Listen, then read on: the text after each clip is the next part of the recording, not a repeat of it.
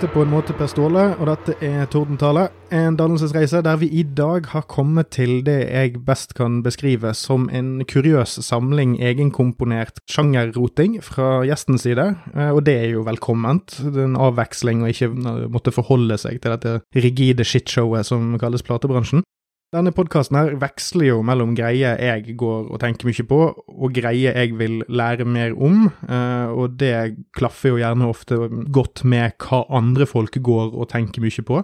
Og jeg tror at dagens tema eh, er en sånn perfekt synergieffekt av de to tingene der, mellom de to tingene der, for å låne eh, litt språk fra en bransje jeg bare har forakt for. Ukens gjest är Maria Kahn, eh, och Maria har drevet punkrockklubb i Göteborg, vært DJ, tour manager skribent, och hon har òg vært det jag har fått besked om å kalle en butikkmadam. Hon ska ju få lov till att lägga till lite fler meritter om jag har glömt någon, men eh, vi känner varandra lite från sociala medier, och grunden till att jag ville ha dig, Maria, som eh, är att du har i flera år framstått som en slags facit på allt möjligt rart popkulturellt som jag inte känner mig helt på. Samtidig som jeg har bitt meg merke i at du setter veldig pris på Wasp. Så jeg måtte liksom benytte sjansen til å bli skolert litt eh, av noen som tilsynelatende har litt peiling på ting jeg ikke har peiling på. Så velkommen. Tusen takk for at du vil komme. Tusen takk, Per Ståle. Det var eh, fint å bli, få bli innbjuden til den här eh, fina podcasten som du har, som jag precis har börjat lyssna på. Eh, nej, alltså jag vet inte meriter, fler meriter som jag har. Jag vet inte, jag har väl inga, inga nämnvärda meriter. Svensk i Norge, det är Ja. en merit. Du har bannet til ganske mange kjente folk på internett, da. Ja det, ja, det har jag gjort. Det är en bra merit. Jag har skrivit eh, Kulle till Erlend Lo. Det är bra. Eh, nej, alltså, jag förstår ju att du tänker på knullfunken. Det är väl det som är min genre på Twitter i varje fall. Så den jag hoppas vi kan prata lite mer om då. Ja, for at du, du valgte jo det der temaet knullfunk, eh, og det kan jo virke litt fremmed for både lyttere og veldig for meg òg, men jeg har jo sett, du nevner jo det at du refererer til det på Twitter, og det har du gjort i flere år, og inntrykket mitt er at det kan utvides til å regnes som en litt sånn ordentlig samlebetegnelse, men at det òg stammer litt fra en mer sånn personlig forkjærlighet for enkelte deler av det som kan kalles soul og R&B og sånn. Ja ja, men det är nog helt riktigt. Och så just det där som du inledde med att säga också att alltså fuck genrer. Genrer är så tråkigt. Jag har ju min eh, historia från eh, punkrocken eh, och punken som är extremt anal på genre. Där det var liksom inte tillåtet. Alltså jag drev ju klubb i samma veva som, som Håkan Hellström blev stor till exempel. Det betyder att jag har ju aldrig lyssnat på Håkan Hellström i hela mitt liv. Jag tycker han är världens största idiot eftersom att det skulle man ju liksom göra på den tiden. Alltså det var hårda, hårda schismer, hårda kanter mellan de olika genrerna. Och så där är det ju inom metal också, det vet du säkert du. Ja, Eh, så nu när jag blev gammal då, för nu är jag en gammal punktant, så, så tänker jag att fuck allt det där, det finns ingen genre, genre är en eh, illusion. Knullfunk är liksom ett samlingsbegrepp på all musik som jag tycker är bra, som handlar om sex. Sex är ju bra. så därav the name. Så det har ju ingenting med funk att göra, nej, inte speciellt alltså, utan det är ju bara ett uttryck. Som jag egentligen har stjält också, jag har egentligen stulit namnet från en, eh, en annan användare på Twitter som sa det till mig först, som kallade det som, jag kommer inte ihåg i- liksom i vilken förbindelse, men jag hade lagt ut någonting och så sa han, så kallade han, eller vi pratade om Bootsy Collins eller något sånt där och så, så kallade han det för knullfunk. Och Bootsy Collins är ju verkligen knullfunk, för det är faktiskt funk och knulligt på samma gång. Men så har jag gjort eh, begreppet vidare och det är väl Alltså det är ju faktiskt en merit att jag har ju populariserat och kommersialiserat uttrycket eh, knullfunk vidare. Ja, men det er bare å stå på det. Før eller siden så blir du en veldig, veldig artig Ah. fotnote i en sånn eh, i en eh, musikkmasteroppgave. Det blir liksom knullfunkens Håkon Mosleth. Jeg er Norges mektigste innen knullfunk. Ja. ja. Precis det. Det är mitt mål då också med livet, vill jag också lägga till. ja, det, det er jo verdig mål. Altså, det, jo, altså, folk, det finnes jo folk der ute som eh, prøver å bli eiendomsmeglere eller statsministere, så det er jo Jeg syns det er minst like verdig som det. Jeg skal prøve å få lagt ut denne spillelisten litt sånn public. Eh, det kan godt hende at den ligger i beskrivelsen av episoden eh, når dere der hjemme sitter og hører på, så ta og sjekk det, dere, i hvert fall dere som har eh, bruker PC og sånt, så dere kan klippe og lime den linken. Jeg gidder ikke å betale for premium, så jeg skjønner ikke helt hvordan det der funker når man bare har fattig Spotify. Men, men. Før vi liksom går helt inn i den kuraterte biten, eh, så er det sånn at i, i motsetning til de forrige gjestene jeg har hatt, de har jo valgt liksom et helt konkret album av en artist de liker, og så har vi liksom nerdet ekstremt rundt liksom alle dimensjonene av det.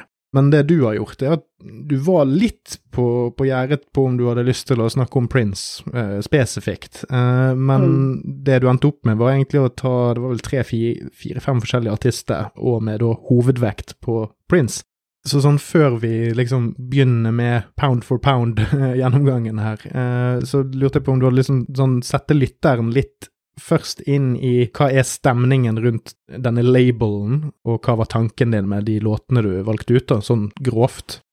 Nej, alltså jag tänker på den här spellistan som en slags, eh, alltså, så lyssnaren kan, kan få liksom följa med på min resa, den inkörsporten till eh, knullfunk som jag själv har, eh, som jag själv liksom gick igenom från 80-talet eh, jag är ju som sagt mycket gammal och tillhör MTV-generationen där vi var liksom extremt påverkade av MTV men också av våra föräldrars album och vinylsamling om de hade det. Så jag har ju växt upp med den och, och där kom ju Barry White in till exempel då, som var en av, alltså morsan hade två plattor i sin collection och det var Barry Whites, eh, Can't Get Enough och Julio Iglesias. Så då Senior. valde jag Barry oj, oj, oj. Eh, och spelade den eh, väldigt mycket eh, på sent 80-tal. Och eh, för alla som lyssnar på Barry så vet ju att eh, här är det någonting som växer i kroppen. Va? När du hör den här rösten och, och uh, den stämningen och hans pratsång. Det, liksom, det är ju otroligt spännande för en uh, tioåring och, och liksom uh, väckas till liv då på något vis. Alltså det är ju någon slags det är en slags sexuellt uppvaknande det här för vad heter det, mellanstadiebarn. Då.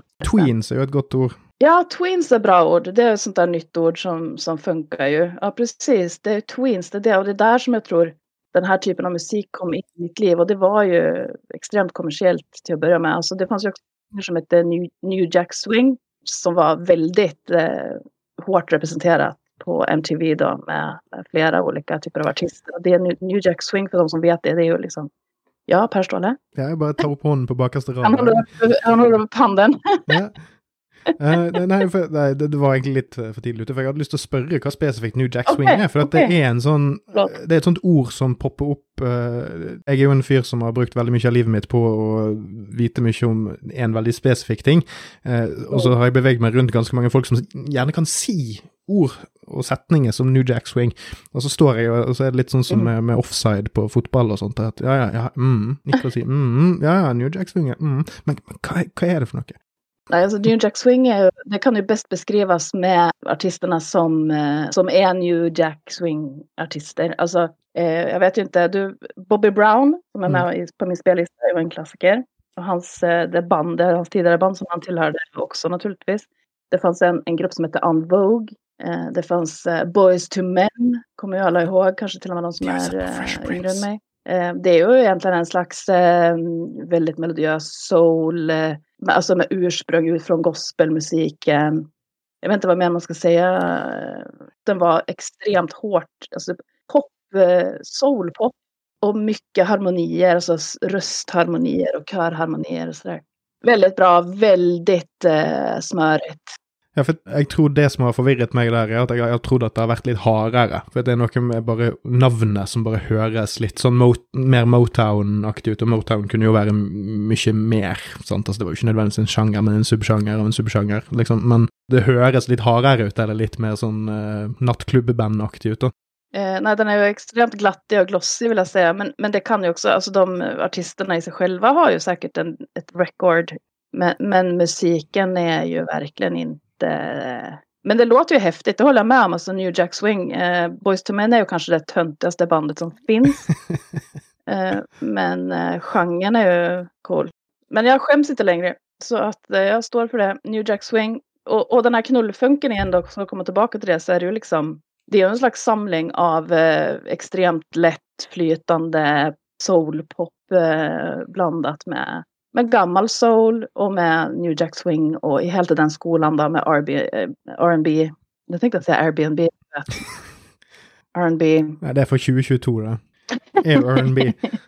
Alle de stakkars eh, marginaliserte minoritetskunstnerne som ikke fikk være på turné under korona. Sitte og spille og synge Sweet Nothings til deg når du sovner. Eh, Ja, det, nej då før vi går i gang, jeg må, jeg må bare si at jeg syns det er veldig gøy at du nevner frivillig to ganger Boys to Men, fordi det er noen av disse låtene her som, som bare ga meg flashback til å sitte og komme hjem fra skolen, mekke meg noen store brødblingser, og så se på Fresh Prince of Bel-Air, og ha en sånn very special guest episode der Boys to Men driver og uh, synger i barnedåpen til den her bonusungen som de har. Jeg er liksom tilbake igjen i mammas sofa med en gang jeg hører noen av de der en sånn svevende måte å synge på, som bare Mm. jeg, jeg sier ikke at det er det samme, men eh, jeg hører at det er samme sjanger. Det är samma genre. Så, och den styr ju väldigt det där med just med sån harmonier och, och kör och, och, och liksom röstanvändningen som Boys to Men representerar. Den är ju där. Och En Vogue är ju liksom den kvinnliga motsatsen till det då. Alltså den kvin, inte motsatsen, alltså den kvinnliga li, liknelsen. Unvogue, är det det? Alltså som i- En Vogue. Men En Vogue känner du säkert till. Känner du inte till En Vogue? Nei Altså, det Jeg er som sagt en person med skammelige store hull i musikkunnskapen min, så det, det er jo derfor jeg har deg her. Ja, men eller hur? Ja, men lyssna på En Vogue alltså. Det är ju liksom då kvinnliga Boys to Men. Så, så Girls to Women. En Vogue. Jeg kan bare si sånn preemptivt at det er lettere å sette seg inn i denne sjangeren med kvinnevokal, merker jeg umiddelbart, av litt åpenbare grunner. Men vi kan jo komme litt tilbake igjen til litt sånn nyansene der. Men vi kan, skal vi bare sette i gang, eller? Ja. Ja, og så må jeg jo bare minne lytteren på at altså, dersom dere der hjemme allerede har begynt å få en vag følelse av atmosfæren fra seksualundervisningen på ungdomsskolen, så kan jeg betrygge dere med at det bare blir verre herfra ut. Så Ja, det är det vet du. Så jag gruvar mig nu för att jag ska bli cancelled, att det blir för mycket prat om knulling. Men eh, det är det som genren går ut på, så I'm sorry, så är det bara. ja, Så stäng av det, nu om ni inte tål det. det er ikke den typen knulling som folk blir cancelled for, tror jeg. Nej, absolut. Jo, men alltså, nej, men vet du vad? För det här är ett stort problem. Mm. På tal om eh, knulling som folk eh, blir cancelled för. Eh, R. Kelly är en av, eh, alltså han kommer ursprungligen också från New Jack Swing-miljö. Mm. Och eh, såklart Airbnb, alltså en av de absolut största fixstjärnorna. Och eh, för guds skull också i knullfunken. Och nu fick han nu äntligen sitt straff. Han blev dömd. Väldigt bra. Så ja, inte all knullfunk är bra knullfunk. Det vill jag bara ha sagt här och skriva upp eh, på möte, mötet. Mm. Er ikke Bobby Brown òg en eh, ikke han Ja, men Bobby, nej men vet du vad? Ja, men alltså, Bobby Brown är missförstådd. Bobby Brown eh, har ju fått ofta ta skyld, alltså tagit skulden för att eh, Whitney och så vidare. Jag Ja, vet inte är hur mycket vet jag dina lyssnare om allt det här. Men, eh, men Bobby var ju alkis och bad boy. Men det var ju Whitney som var junkien i det Mm. förhållandet. Så eh, alltså, change my mind säger jag bara. För att så är det. Bobby har tagit mycket skit för det där. Han var ju inte perfekt på något som helst- vis. Men eh, jag tror inte att han är så illa. Och jag har inte... Men det är klart. Alla män är skyldiga till det motsatta är bevisat. Så jag vet faktiskt inte om man har några metoo-saker på sig eller sådär. Men han, det var i varje fall inte hans fel att Whitney tyvärr gick bort alldeles för tidigt. Hon for hade det, det bare sånn som jeg har plukket opp gjennom headlines og sånt, så jeg har Det er liksom bare det navnet. Og, eh, Whitney Houston. Det er liksom ikke Men så er det jo ofte det at man, man har jo da igjennom Hver gang du har en veldig kjent Det er kanskje noe, det er noe, kanskje noe litt sånn smårasistisk med det men det, det kan hende at det var det at det, på måte de var litt ute etter en ny sånn Ike og Tina Turner-greie. Um, det, det var noe Ja, er mediedekningen der. Det är en intressant vinkel. Men det som jag tror det största problemet var ju att eh, Whitney såldes in som en vit artist till en vit publik. Mm. eh, som en ängel och så kom hon egentligen från the hood och hade, alltså hade en drog, jag vill, jag vill inte säga en drogproblematik men ett, liksom, alltså folk tror att hon blev en junkie för att hon var en stjärna men hon hade, var redan ute på vilda vägar som tidigt. Och, och var kanske egentligen en mycket tuffare typ av artist men blev paketerad som den här väldigt ljusa afroamerikanska tjejen som liksom skulle säljas in till topplistorna till vita kids. Mm. Och då tror jag det är lätt att tro att Bobby Brown, när han kom in från, en, från ett New Jack Swing-miljö, från ett rb miljö med den imagen, att han, som också var en image, även Mm. fast ja, då han var alkis och han var ju en partyboy, men han, han var ingen liksom eh, heroinist. Det var hon som var det. Så det där är ju en helt annan diskussion. Det där är en annat, ett annat poddavsnitt. Ja, det är, dessverre så er jeg en ekstremt dårlig redaktør, så jeg bare lar folk eh, fortsätta fortsette å snakke om ting som er interessant. Men så prøver jeg òg å være litt uh, eh, Jeg skal ikke ha sånn her ni timers Joe Rogan eh, uh, rip-off-podkast her. Da hadde jeg faktisk kjøpt inn sånne røde gardiner til å ha bak meg. Men Barry White, det er vel førstemann ut her. Ja, for den første låten her, som liksom er, det er vel òg den som er kronologisk eldst av de. Det er ja. I Can't Believe You Love Me av Barry White, fra albumet Can't Get Enough fra 1974. Mm. Uh, og så må jeg bare si sånn, altså min, min eh, befatning med Barry White kommer da fra at uh, jeg, jeg, begynner jo å trekke litt på årene, og jeg er kanskje ikke like ancient som deg, uh, men jeg er jo et uh, Jeg ble veldig bevisst på en del ting på 90-tallet, og en ting som var stort en liten stund på 90-tallet, det var Ally McBeal. Og der hadde noen av figurene en jævlig oppheng i Barry White, og det var en sånn her eh, stor greie. Men eh, det var jo kanskje en av de kåteste TV-seriene som gikk på mainstream-TV eh, på 90-tallet. Det, det, jeg tenkte det jo, jeg, jeg skrev det jo til deg uh, når jeg begynte å høre på dette, her, men altså vanligvis når jeg hører låter om puling eller kjærlighet eller whatever, så hører jeg det som regel nesten uansett, i hvert fall hvis det er en mann som synger, så hører jeg det nesten alt, ja, så å si alltid som at det er i mitt hode, så det er jeg som er jeg-personen, på en måte. Men når jeg hører på Barry White, så høres det ut som Barry White synger det rett til meg inn i øregangen på en litt sånn her eh, dirrende måte, og det er en veldig pussig følelse å ha når man sitter på bussen eh, uh, og hører på dette med noise cancelling, eh, uh, høretelefoner. Da, da, lærte jeg litt om min egen kropp og mental uh, syke. Fordi, fordi, altså sånn Helt uavhengig av legning, så er det jo en helt altså det, det, er en veldig kodet måte å synge på. Så det er sånn det er Helt uavhengig om du tenner på det eller ikke, så er det sånn du skjønner hva det er, og det trigger noe i hjernen din. Om det er fight or flight-greien, uh, eller hva det er. Men det är ju ditt, det är ditt uh, sexuella uppvaknande, Per Ståhle, som kommer nu. Det kommer bara sent, sent men gott. Så växte till liv uh, av den här rösten, så som jag gjorde som tweet redan. För det är ju någonting som händer. Det, där, det är precis det. Alltså det är någonting eh, otroligt suggestivt och, spännande i den här rösten. Men som liksom svettig onkel. eh, men också så här otroligt dekadant. Nu visste inte jag, alltså det här var ju, alltså Barry White var ju inte spelad på MTV så jag visste ju inte hur han såg ut mer än den här tecknade, om man ser hur, hur albumcovret ser ut så är det ju liksom en tecknad bild av måleri. Men han ser ju otroligt likadan ut, liksom Liberace, den svarta Liberace liksom med, med så här eh, puffärm och, och stor och härlig och frodig och sån här svettiga rösten som liksom är längst in i örat. Det är helt fantastiskt. Så jag tror ju att det var ditt sexuella uppvaknande. Som, ja, jeg, har, jeg har lenge sagt det, at jeg har et uanstendig forhold til barnet i meg, så det er jo sånn sett så det... För det är ganska spännande. Jag vet ju att du är W.A.S.P-fan och eh, W.A.S.P absolut bästa platta som också är en av de absolut bästa plattorna genom tiderna, alla genrer, är ju The Last Command. Uh. Och eh, du har ju en del eh, häftiga texter där också, men då känner du inte samma alltså? Du känner inte det där eh, obehaget Nej. eller? Nej, eh, det kan ju vara en callback. Eh, jag har ju sluppet en episod om det før, och det är med, med få undantag så är de låtarna mer performativa.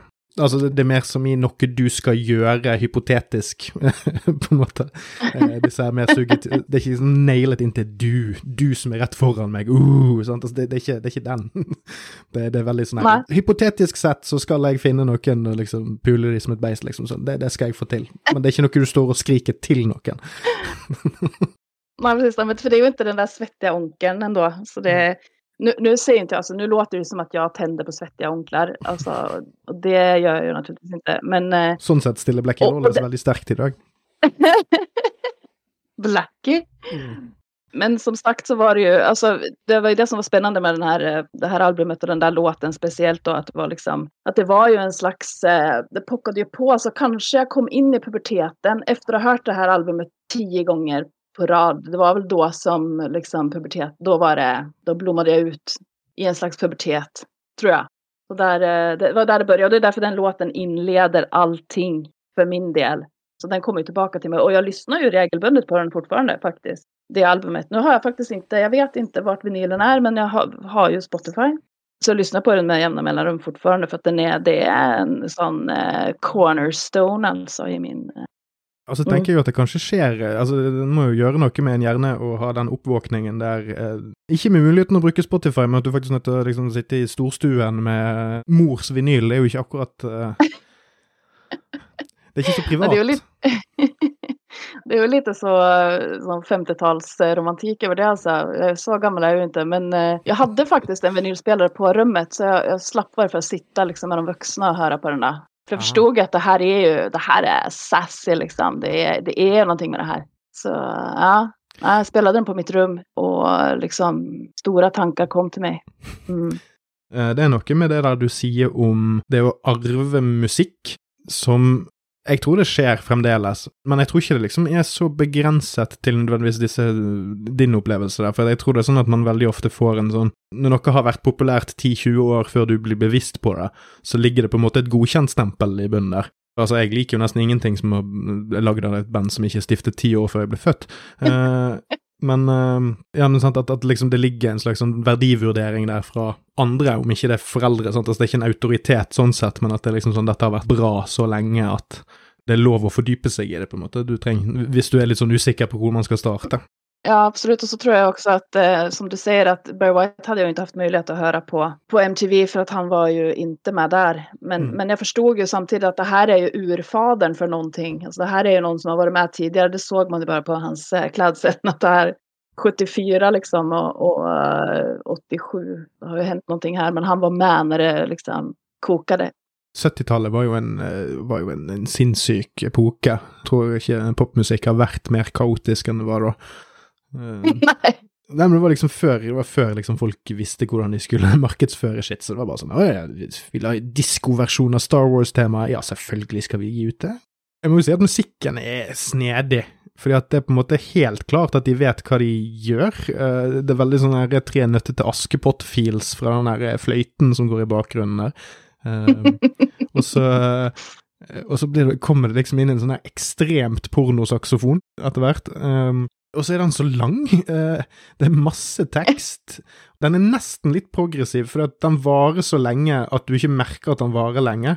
Det der er jo 70-tallet på sitt sett. Sant? At vi bare kjører på. Vi bare kjører. Og det er liksom studioinnspilling, og det bare Altså, Barry White bare flobbar på. Han bare kjører, og han bare och just den här pratsången och, och, det är väldigt viktig poäng där du säger med, med den här saxofonen. Alltså saxofonen är ju, är ju liksom urinstrumentet för knullfunk. Alltså på samma sätt som house-piano för house, den tidiga housen. Alltså det här är ju, eh, saxofon är viktigt och i varje fall i den här låten så, så går den igenom som en slinga som är väldigt, eh, den är betydelsefull här alltså.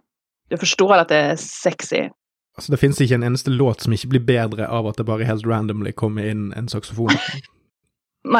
Nej, Absolut. Anledningen till att jag valde ut den där låten, det mm. är ju på grund av att den, liksom, den, den checkar alla boxarna på, liksom, eh, och sätter liksom, reglerna för hur genren, om vi nu ska kalla den genre, jag är ju motståndare av genren, men om vi ska, om vi ska sätta checkboxarna för knullfunkens vidare utveckling i min hjärna då, eftersom att det är jag som har kommit på det, så, är det, så har den allting där. Så det är prat, det är långt och kaotiskt, det handlar om sex, det är svettigt, det är saxofon och så vidare. En stort mer svettere mann enn Barry White får du ikke heller, så det er Nei, men jeg er enig, altså sånn Jeg er enig i at uh, startpunktet her, så er det, det er definitivt en uh, et stup fra timeteren. Det er litt sånn her uh, Du blir tvunget til å forholde deg til de tingene som kommer til å bli en, en litt mer av den røde tråden. Men skal vi gå over på uh, eh, Mr. Bobby Brown, da? Jeg ser jo at den låten er uh, Den heter jo All Day All Night, og den er fra et album som heter Don't Be Cruel fra 1988. Men jeg ser jo at den er Jeg klarer ikke helt å høre det, men det står oppført en fyr som heter Louis Silas jr. Er han òg med på vokal her, vet du det? Ingen aning. Ingen aning. Men det, det jag säger, alltså, det, jag, jag kan ju inte vara med i den här podcasten och liksom ska nörda om produktion och Och vilken basist var det fick han sparken? Och hur var det nu med, med det här eh, tredje instrumentet? Och så, ja, ingen aning. Jag vet inte. Nei, jeg tenkte, altså, det, det, det, å, ja. det, å, finne, vite hvem som synger på låten, må det være et ganske greit uh, sånn første tiers-spørsmål. Jo, men det vet vi ju. Alltså, jag vet ju att det är Bobby Brown som sjunger. Det är mm. liksom, it's enough for me, Per Ståle, att det är Bobby. Mm. Men det är möjligt att det är en till, det har jag aldrig tänkt på. Jag har aldrig tänkt på Grunnen til at jeg spør, er fordi at det er mm. et spørsmål om distinksjoner. Så det er sånn jeg, jeg, er ikke helt sikker på om jeg klarer å høre om det er to vokalister, og da er jo det en litt sånn der eh, men, men, sånn for temaet sin del så betyr det jo ikke noe, det er jeg jo helt enig i. nej men kanske, kanske det betyder något, kanske det inte betyder något. Jag har ingen aning. Det skulle jag, hade jag kunnat kolla upp naturligtvis. Men det, det, alltså, musik intresserar mig inte på det sättet. Och speciellt inte knullfunk. Alltså, det är mer en känsla och en övertygelse än att det är en, en, eh, slags musikalisk, eh, liksom vetenskaplig attraktion för mig. Det är mer what it det, makes me do. Jeg syns det er fint at du sier det, fordi at en av, en av litt flere grunner til at jeg kjører dette prosjektet her, er jo at jeg sliter litt med å slappe av, eh, mens det jeg finner ut at de gangene jeg klarer å slappe av med musikk, så er det på sitt beste. Og så er jo det da kanskje en litt sånn kontraproduktiv greie med at jeg kanskje sitter og overanalyserer for mye nettopp gjennom eh, dette prosjektet her, men eh, eh den tilstanden der er ganske attråverdig, syns jeg. Altså det å bare konsumere det med underbevisstheten, holdt jeg på å si. Så jeg ville vil bare gi deg anerkjennelse for det perspektivet. Det er faktisk attråverdig, vil jeg si. Så bra. Nej, men för att det är ju, jag har ju levt i en, en mansdominerad miljö och en värld mm. naturligtvis som alla andra kvinnor. Men som eh, speciellt när du driver punkrockklubb och när du har varit ute på turné med band och sådär så är det ju i stort sett män som du möter och som du är tillsammans med.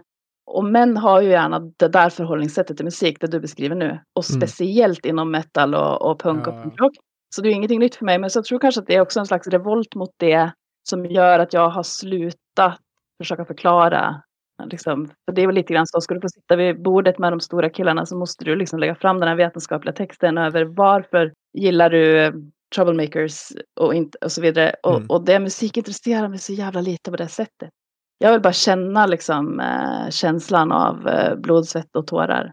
Og bare for igjen bare kommentere litt på det, det der er òg en Det der er noe jeg kjenner på òg, for at det er Hvis du er mann i de miljøene der, så blir det veldig fort en sånn dominansting mellom menn som ikke kjenner hverandre. Det er gatekeeping for å holde kjerringene vekke, og så er det for å liksom ja. plassere folk i en packing order. Sant? Så hvis det kommer noen inn med oh, feil yes. skjorte, så skal det bli etablert om den personen ja.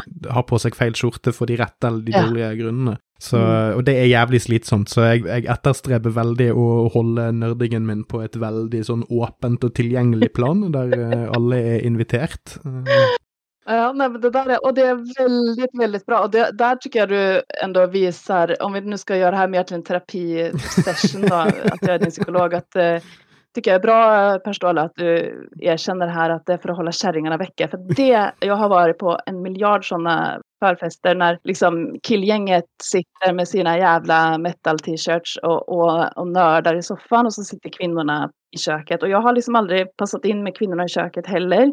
Eh, och inte fattat varför kan vi inte bygga, bygga en bro här över nu och så kan vi liksom diskutera det här tillsammans mer utifrån en, en känslomässig ståpunkt. Inte liksom vem av basisterna var det som var bäst eller whatever. Men, men väldigt bra, det är fint. Jag har aldrig hört faktiskt en, en man eh, erkänna det förut. Så det var fint att få det. Om inte svart på vitt så i varje fall eh, ganska tydligt. Tack. jag, kan, jag kan skriva det Jag kan skriva en kronikk om det och sända det till, till metal-tidene.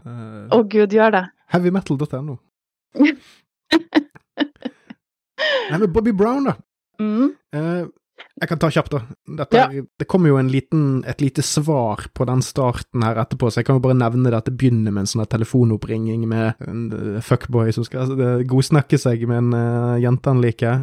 Det kommer vi jo litt tilbake igjen til på neste, men uh, dette er en sånn låt som jeg får diabetes av. Um, uh, og, og, kanskje den som er closest til den parodien på Boys to Men jeg har oppi hodet mitt det er så slowdance i Fresh Prince of Bel-Air sin special episode at, at sånn, jeg klarer ikke helt å, å, fri meg fra når jeg hører han. Uh, så, så, fortell meg gjerne hva, hva som gjør den spesiell, for jeg tror det er av alle låtene så er det denne jeg har Altså, den, den åpner ingenting. Ingen nøkler, ingen dører. Det er liksom bare sukkersyke. Det var stängt. Ja. Nej men alltså det är precis som du säger, alltså, och så här är det ju med, med den här genren eller med, med den här typen av Airbnb eller med, med knullfunk för så vitt. Alltså den följer ju starka, en stark modell där boxar ska checkas av. Och det här, den här checkar också igen, det är därför den är med på listan. Alltså den checkar alla boxarna med, med och speciellt den här telefonuppringningen så som vi hade i, i, gamla dagar så hade vi telefoner, vi ringde till varandra, who's this? Sant? Alltså nu mm. vet du vem som ringer och du kan ghosta folk och inte ta telefon. Det kunde man inte då, då ringde det och så hade familjen hade en telefon liksom. Men eh, Nej, alltså vad som är så speciellt, det är ju verkligen ingenting speciellt med den, mer än att den, den eh, är ju liksom en knullfunklåt på crack för att det är en av de här första, vad ska man säga, då, alltså de, igen då, i min resa en av de första låtarna. Den här plattan från 88 är ju också en av de absolut första vinylerna som jag köpte för egna pengar. 88 så var jag 11 år. Och den inne i, i albumet så var det en eh, plansch eh, med live size, nej det var inte det, men det var en stor plansch på Bobby Brown eh, som jag klistrade upp på i sommarstugan vid min bunkbädd så, så var det liksom jag och Bobby.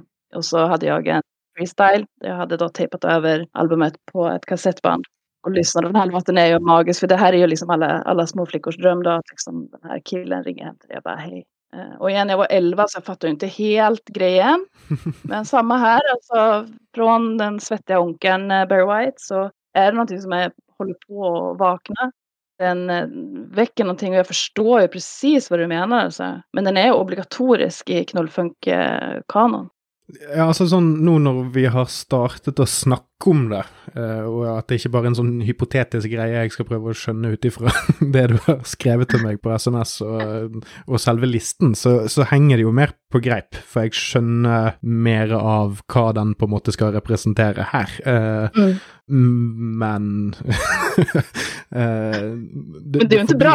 ja, ja, eller det er sånn, jeg, jeg klarer liksom ikke det, det, er ikke noe sånn foraktfullt i det jeg mener nå heller, men det, det, er liksom sånn, det er, det er en ting, og så kan jeg se at dette her er en, det gjør det den skal, uh, og jeg kan ikke på en måte si at den kunne gjort det bedre eller dårligere eller noe sånt, men da blir det òg mm. det, det er sånn der ligger han. Men sånn utover det, så bare kom jeg på det at det er, det er litt artig dette her med hva elleveårige gutter og elleveårige jenter velger å ha på veggene sine. For at uh, det er stort sett voksne menn de har lyst til å ha på veggene sine. og tenåringer. Sånn med unntak av nakne damer. En sånn liksom Playboy-plakat man har stjålet i tenårene en gang, så er det stort sett menn. Jeg, jeg, tror ikke jeg hadde en dame på veggen før uh, vi kjøpte sånne Munch-trykk når vi var på museet da jeg var noen og tjue. Oh lord. Ja, men jag vet inte, men hade inte du prenumererade du inte på något sånt musikblad som, eh, hade du inte ens Blackie liksom? For det første, jeg ja, men, er ikke så gammel. Eh, og for det andre så, eh, så, hadde vi ikke penger til det. Det var ikke kiosker der jeg bodde. Jeg kom et sted sånn der uh, buskapen rådet. Så det var ikke, det var ikke så mye tilgang på de tingene her.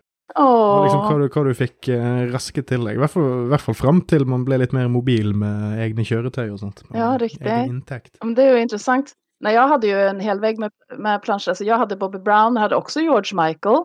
Kommer jag ihåg. Uh, hade jag mer? Jag hade allt möjligt konstigt. Men, men Bobby var den första som jag liksom satt upp vid sidan av sängen på, i sommarstugan. Och lyssnade och lyssnade och lyssnade, och lyssnade på hela albumet naturligtvis. Det är ju en del Alltså det finns ju bättre låtar på albumet. Om de vill ta fram en bra låt som alltså rent musikaliskt ger mer värde så är det naturligtvis inte den här låten som jag valt till listan. Men det är den här låten på listan som checkar boxarna och det är den låten som är liksom, för det det jag, tänk, jag tänker på, på det som en slags, eh, om du tänker det som en fysisk formel då, mm. Nullfunken är en fysisk formel, så har den här alla delarna och checkar ut med grön, alltså ett korrekt resultat. Ja, men jeg, jeg skjønner. Jeg skjønner, tror jeg. Fordi, men, ja. men, da blir jo de neste tingene nesten litt sånn variasjoner over temaet. Da. Altså, da, denne låten er baseline. Du har, du har oldefar Barry her bak, mm. og så har du dette som liksom kroneksempelet. Og så kommer det nå kanskje mm. noen litt uh, andre ytterpunkter her, som vi kan se litt på. För det är det som är med listan igen då, att, att som du, du nämnde själv här att Bobby Brown är ju liksom the classic fuckboy. Mm. Eh, och speciellt personifierad i den här slags musikalversionen av, alltså för det är ju en slags skådespel som presenteras i den här låten mm. där han liksom ringer upp och det är liksom en hel story här. Som vi säkert har sett också i någon sån dålig teenage 80-talsfilm. Och den på nästa, nu vet inte jag om jag ska presentera det nästa band, men alltså TLC då som kommer på 90-talet. Ett eh, tjejband. Jag hatar det uttrycket. Ett Airbnb-band från Atlanta som gör mer eller mindre en slags pastisch, en, en satir över de här fuckboysen.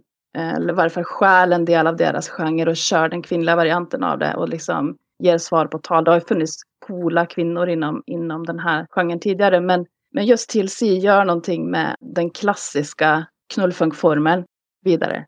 Ja, för det begynner jo egentlig med Nummer tre her er jo ikke egentlig en sang. Det er jo rett og slett en skit. Ja. Eh, Och det är bara för att sätta en slags historia här. Jag vill ju se på min lista som en slags historia mer än... eh, Nei, for det, er jo, det var jo derfor jeg dvelte ved telefonoppringningen i starten av forrige låt. For at nå er det liksom fra kvinnesiden at det er en sånn sexy dame som ringer opp en fyr som ikke helt vet hva som skjer. Og så blir han sakte, men sikkert eh, overbevist til å være med på noe greier med denne sexy damen i andre siden av låten. Men så viser det seg at det hun egentlig bare er ute etter, er at eh, han kan gi henne dopapir, sånn at hun kan tørke seg i ræven. Og så flusher hun ned eh, dassen hun sitter på, presumptivt. Mm. Og det er jo artig. Det setter deg jo inn i en sånn her Man har jo blitt lurt inn i en litt sånn eh, falsk trygghet med eh, där Bobby Brown-låten och Barry White. Alltså, eh, tenk hvis Barry White hadde ringt til folk mens han satt på dass og sunget de sangene der. sant? Altså, det, er jo, det er jo komisk gull med en gang. Men jeg henger meg jo da opp i at hun, hun har jo ikke prioriteringene sine i orden, for at hun Det kommer jo dritelyder etter at hun har begynt å trekke ned, så dette er jo komplett kaos. Denne damen her er ikke Hun er ikke tam. Nej men alltså det är ju, det är en skit som du säger och det är liksom, jag tolkar det som att det är en, en fuck-off till eh, liksom männen i, i samma genre. Att liksom här, nu kommer vi, vi ska ta över den här knullgenren från er och vi kvinnor har en sexualitet som är stark, som är viktig och som, eh, som också kan uttryckas på precis samma sätt, bara inte de här idiotiska telefonuppringningarna som fuckboys från eh, sent 80-tal håller på med. Så vi kan också ringa men då blir det liksom en fuck-off-ringning. Tänker jag då, tolkar jag som. Ja, jeg liker den tanken. Og så, og så er det jo kanskje noe sånn vi er ikke en formell greie, eller sånn vis Mm. Eller at hun gjennom den skitten, da, hvis jeg tenker bare, Nå kan jeg jo ingenting om artisten, men å bare se for meg hun, eller de som har satt dette sammen. At eh, parodi, det er jo Det beste med en parodi er hvis du påpeker ting på en sånn måte at du på en måte ødelegger litt det du har påpekt. Da har du på en måte klart det. Det var sånn eh, westernfilmer var aldri det samme etter Blazing Saddles, fordi at den filmen påpekte liksom den rasismen som ligger latent bak all western, på en måte. Mm. Eh, og, og dette her er jo òg Altså, om de Jeg vil ikke kalle det akkurat uh, musikkens svar på Blazing Saddles, men det er jo De påpeker jo en ting som er så klisjé at sjøl jeg som ikke har peiling på dette her, har jo hørt Jeg har hørt den telefonsamtalegreien Ja. før, sjøl om jeg ikke husker hvor. Ja. Og det å vri på det på den måten der, avsløre på en måte hvor Altså, det er teatralsk i, i liksom starten på Bobby Brown-låten òg, men det er litt manipulativt, sant? for at det er, Mm. det er vendt inn mot kvinnelige lyttere, og som en sånn her Å, her kommer jeg, og jeg skal være en sånn her fantastisk eh, Mm. fin fyr. Og så er det jo vel så manipulativt som Mm. litt mer direkte låter kan være. Eh, eller mindre ærlig, altså enda mer eh, manipulativt. For at det er ja, ta- Tankene mine går bare til Jeg så en sånn sketsj en gang med Dave Chappelle. Eh, som hadde en sånn video Mhm. der han Det var etter den første liksom pisseskandalen med R. Kelly, siden du var inne på det tidligere. Og den er bare Mhm. basically det. Det er en R. Kelly-musikkvideo, men det han synger om, er at han skal pisse på damen. At det er det han er ute etter. Og det er òg en sånn greie der du har bare Å ja, ja, men nå når folk vet hva R. Kelly driver med på bakgrunnen, Mhm. så blir så, kan, Mhm. så er det det du hører når du hører sa- musikken hans. Det er det som er endestasjonen. Mm. Ja men det är ju inte helt, eh, alltså det är ju precis så. Och jag tänker också R. Kelly spökar ju här hela tiden. Med både liksom, han har ju, han har ju förstört jävligt mycket för människor naturligtvis, de här unga kvinnorna, men liksom för hela genren. Med att oavsett nästan vad du, alltså när, du när jag lyssnar på Bobby Brown idag, om jag lyssnar på den här låten idag så tänker så någonstans där ute så svurrar ju tanken på en jävla R. Kelly som liksom också bara the original fuckboy på sin sätt att så fuck R. Kelly. men, eh, men TLC eh, by the way då, det är ju eh, någonting som man verkligen måste lyssna på. Alltså, det bjuder ju på mycket mer. Det, det är ju alltså knullfunk upphöjt i två. Alltså, det är ju mycket mer än knullfunk. Mm. Alltså det går ju bort lite från den pastischen, går bort lite grann från den där lättflytande. Jag har ju skrivit där någon gång också att alltså, knullfunk är ju en slags eh, soulpop som är så lätt att du kan liksom smörja det över kroppen som en fin lotion liksom. och, och TLC är ju någonting mycket mer än det. Så det här är bara mer för att, att vinkla det in mot psykopaten och, och varel, den musikaliska varelsen som är Prince då, som blir nästa steg. TLC är ju en, en, en, en eh, stepping stone till musik som faktiskt betyder någonting på riktigt. Som är Ja, för- begåvad. En, Du har også tatt med en låt fra samme album av Mm. TLC som heter Let's Do It Again, og den som da er den neste på listen. og den, den er på en måte det samme stilinntrykket som på Bobby Brown-låten, og så er den nedstrippet på litt samme måte. Så Mm. jeg skjønner litt den her eh, sjangercappingen, holdt jeg på å si, som ligger der. For meg så høres det i hvert fall det er ikke noe problem for en kvinnelig artist å lage en tilsvarende låt like bra. Uten at Det høres ikke ut som en copycat-låt heller, for jeg syns ikke nødvendigvis den subsjangeren av musikk er ikke nødvendigvis noe som er nødt til å følge en fast Altså, er det en formel, så handler det mer om hva du gjør med den sjøl, og det er små nyanser, liksom.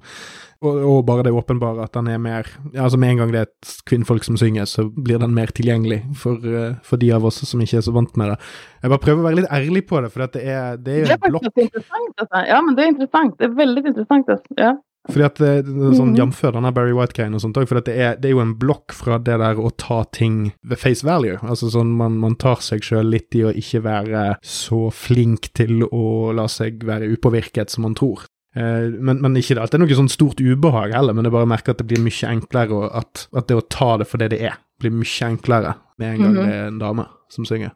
Eh, Det er noe litt annet Mm. med Prince, men det er òg fordi at der er det så mye greie som foregår at det da er det så mye annet å følge med på. Eh, at, at det Mm. blir ikke et like stort problem. Eh, Mm. Pluss at han har en del fellestrekk med en del andre artister som jeg, som jeg har sansen for. ja, men det är ju begåvat. Alltså. Det blir ju något helt annat. Det det gör ju faktiskt det. Även fast han i sig själv är en slags ikon för eh, knullfunken så är han ju så mycket mer. Han är ju allt. Sant? Alltså, han är ju, täcker ju absolut alla kategorier, för, i min mening. Yes, men skal vi bare gå videre og, og starte på Prince, egentlig? Eh, Ja, nej, gärna det alltså. För här har jag kunnat här har jag klarat av att vara lite mer specifik på, på platta. För här Mm. Okej. måste vi ju verkligen dra fram Sign of the Times. Som är, alltså, det är ju enda här, du vet ju, du rullar ju alltid sådana här, äh, vilka är dina tio bästa album genom tiderna? Vilka tio album vill du ha med på Nöde och så vidare. Sign of the Times är ju en sån platta för mig. Alltså det här monstret av ett album från 87. Ja. Nu måste jag kolla på mina anteckningar. Från står- 87. 87 var ett jävligt bra musikår by the way. Men oavsett, från 87. Och här har du ju den här fantastiska lilla mannen, myten, människan som har skapat så mycket bra musik i alla möjliga genrer. Så här, men med Sign of the Times så har du hela spektret av den här vansinniga begåvningen som, som Prince hade. Eh, han lämnade oss ju allt för tidigt.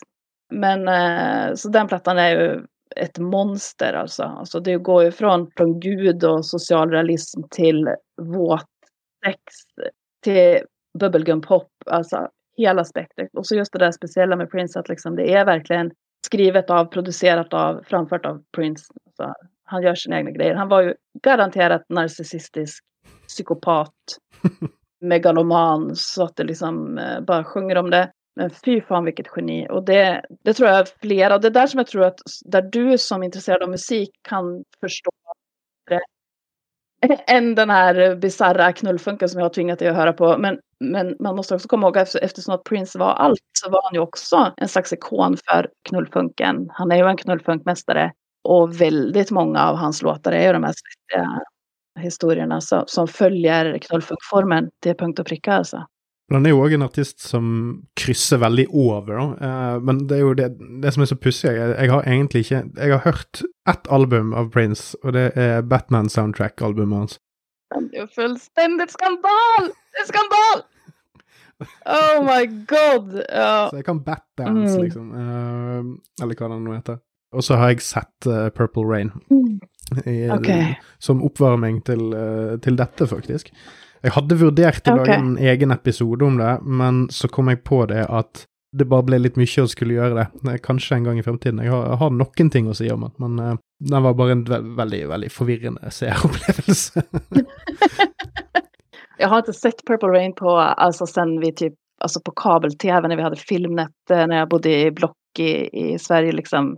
Så jag, det är så vitt jag kommer ihåg någonting, men jag förstår det. Alltså det. Och det är det som gör att jag, även hur stort liksom Prince-fan, men jag, jag tänker med Prince är ju en slags gudentitet, alltså en slags eh, immanent varelse, så att liksom I'm not worthy och ska sitta här och prata om Prince liksom. Eh, han, han är ju väldigt så självförklarande i sin, alltså bara lyssna på Prince så, så förstår du. Men så är det ju det sjuka också att han, precis som det finns ju andra artister som liknar lite grann med det här att de har släppt några helt sjuka plattor och så har de släppt, har de 40 utgivelser som är liksom bara what? Och då vet man inte, är det liksom hans, hans storhetsvansinne? Hans eh, experimentlusta, vad är grejen? För att han har ju, alltså i min mening då så har han ju egentligen inte, alltså den här Sign of the Times är ju liksom kronan på verket, oslagbart.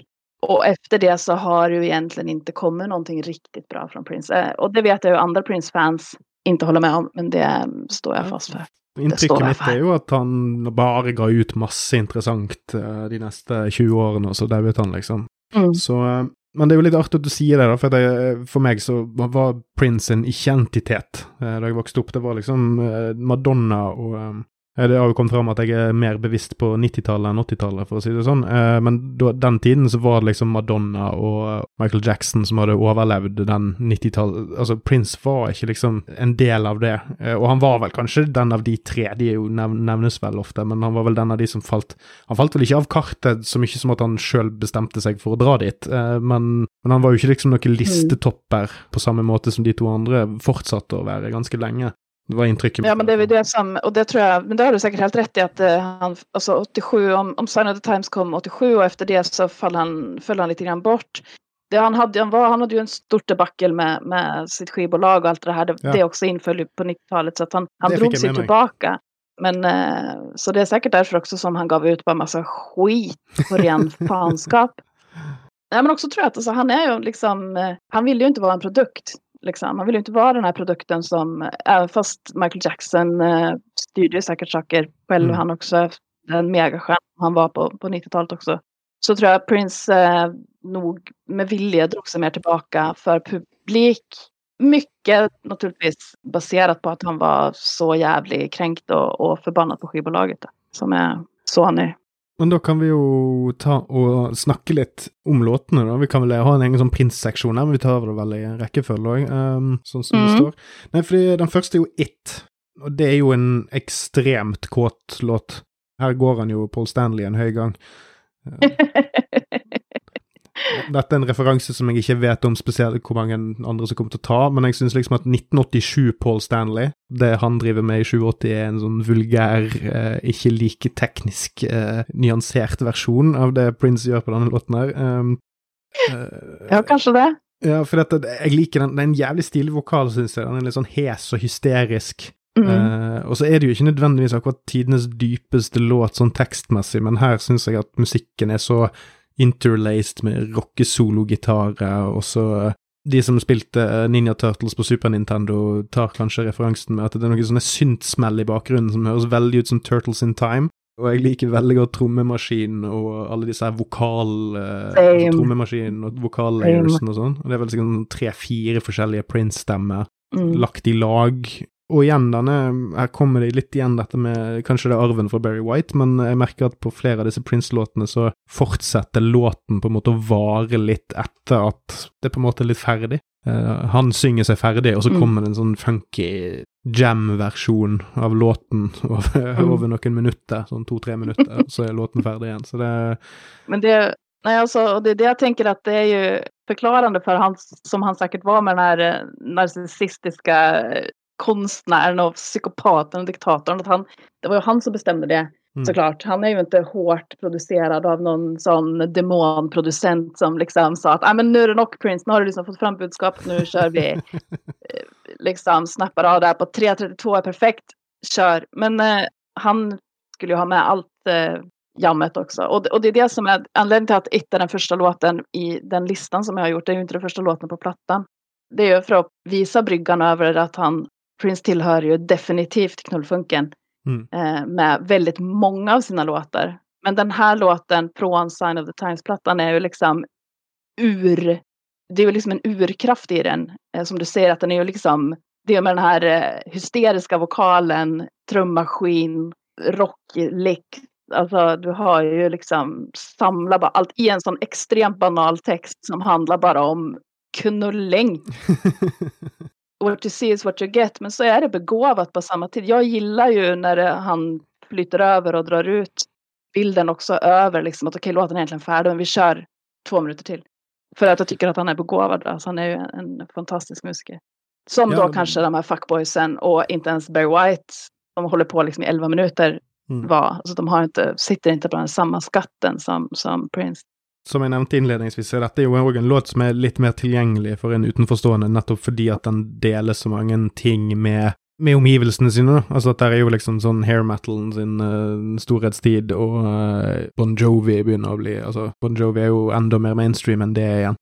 Men den er litt sånn glatte, pompøse og da påtatte, kanskje, eh, emosjonaliteten som tøffe rockemenn liksom legger på seg i den perioden der, sant? som er litt sånn her eh, å ja, ja, vi synger om kjærlighet, og vi synger om, om sex og sånt, og så skal vi liksom prøve å henvende oss til et kvinnelig publikum, men det er alltid sånn tre, fire, fem, seks skott eh, mellom liksom eh, den ekte personen og det de synger om. Mm. Mens på denne låten her, så er det definitivt liksom mange lag her òg mellom den ekte mannen, den, den ekte personen Prince og den banale teksten han synger, men jeg tror at han har vært eh, så kåt som dette her, eh, og ikke eh, vært mangemillionær. Altså, han høres ut som en fyr som han høres ut som en fyr som ikke har hatt eh, utløp eh, for dette før, eh, og nå kanskje har muligheten til det. Så det er sånn Det føles som det er basert på egenopplevd, en egenopplevd hendelse. Ja men den är ju äkta. Det är liksom, och det är där som närheten i, i Prince musik är, att den är innerlig liksom. Mm. Eller han kan välja det, det är det som är så fascinerande. Att, liksom har, att, att ena stunden så är han ett djur, ett liksom, en skadeskjuten, kåt eh, dvärgpapegoja med, med blue balls. Och så nästa så är han liksom eh, religiös som fan och liksom sjunger om Gud och att du måste liksom söka tröst i, i korset. Alltså förstår du, det är där liksom, den, det är den här ambivalensen. Och där har han ju också en låt liksom med Am I black, am I white, am I a woman, am I a man? Sånt. Alltså, han flyter ju, han är ju extremt flytande. Och det var här var ju en tid när det vart ju aldrig snackat om, om, om könsidentitet eller eh, androgynitet ens en gång. Alltså det var ju liksom bara, Prince var bara Prince då också. Och så just som du säger att han, det var ju kanske efter den här plattan när han försvann lite mer så, så försvann ju också den där kommersiella synen på honom när han var liksom en popstjärna. Då, alltså när jag växte upp då, eftersom att jag är ungefär kanske tio år eller det, jag vet inte. Så vi hade ju också Madonna, det var liksom Madonna, Michael Jackson, Prince och George Michael som var liksom, det fanns bara de eh, artisterna. Men Prince, han fortsatte liksom vara flytande efter liksom när de andra mer och mer gick in mot att vara paket från ett skivbolag så fortsatte han bara att vara liksom sig själv. Det er definitivt noe jeg kan eh, respektere òg. Den her greia med at når du har fått eh, fuck you money, så sier du fuck you. Ja.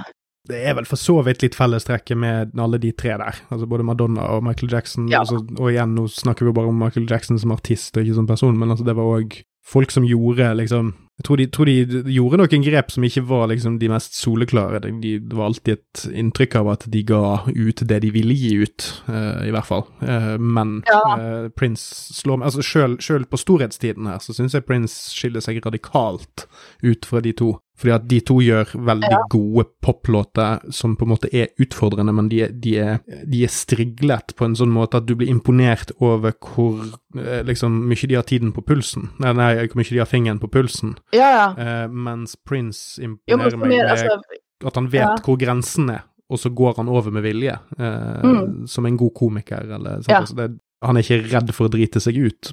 Nej men alltså han ger fan och det är det som, och, så det, och det är det som han också, just den där fuck you-grejen han har, att han, han har ju för det första gett bort väldigt mycket låtar. Han har ställt i studio för andra artister, mycket mindre, alltså, alltså knappt kända artister som, som plötsligt har Prince kom, jobbat i studion vid sidan av, kommer in och lägger en baslinje utan att vill bli nämnd i, alltså han kräver ingenting för det liksom, alltså han, men jag tänker som MJ och, och, och Madonna är mer liksom uppstådde på kryckor av ett management och en Mm. producenter och, och, och ett hjälpapparat på ett annat sätt. Även fast det är de som tar beslutet så liksom Prince bara gör precis vad fan han vill. Och då, om han väljer att vara dålig och konstig så gör han det. Om han har lust att göra en jättekonstig platta med, med elektronisk musik som ingen fattar så bara gör han det. Så lägger han det i valtet, och, i, i valtet, hörru, i, i eh, kassaskåpet och så liksom får det bara vara där. Ja, skal vi gå videre på den neste, kanskje? Vad var nästa då? Nei, neste låt er Sign of the Times. Det er to ganger jeg skal dra den referansen her, men eh, for meg så blir det en sånn slags sånn depressiv We Didn't Start the Fire. Den, den har litt den Det er et eller annet med måten han på en måte går igjennom den Sangen heter jo Sign of the Times, så han liksom går igjennom omgivelsene sine og hvordan verden er og sånt. Og her er det jo Mm, mm. Her beveger vi oss jo veldig vekk fra den Mm. sextematikken, egentlig, for min del, virker det som, for det er mer funkgitar. eh, Det er fortsatt trommemaskin, men tematikken er liksom aids og knark og naturkatastrofe og fæle Mm. nyheter og barnemord og fra Mm. hasj til helvete og sånt. Eh, Jeg ville bare, jeg vil gjerne høre hva du har å si her, men eh, jeg vil bare trekke fram en linje som jeg liker veldig godt, for det er noe med Jeg ble veldig imponert over måten sangstrukturen er på. Men det er, en verselinje, og det, er veldig basert på hvordan han synger den, selvfølgelig. Men som jeg liker veldig godt, det er September my cousin tried reefer for uh, the very first time.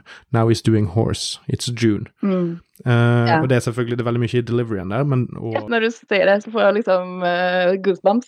liker den biten jævlig godt. Og eh, det ligger så utrolig mye i deliveryen der, men det, samtidig er det en veldig godt skrevet tekst. Eh, Ja, så, så her er liksom jeg er imponert gjennom hele om Altså her, her, her kommer kunstneren litt mer fram, da.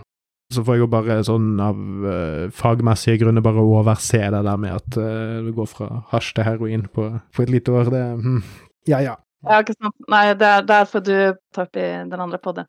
Nei, men det här är ju, är det inte otroligt att du kan gå från det där eh, kåta djuret i It och så har du den här låten där han liksom, där han målar med en extremt fin pensel över, som du säger då, liksom i 87, de värsta sakerna som samhället går igenom och som världen går igenom.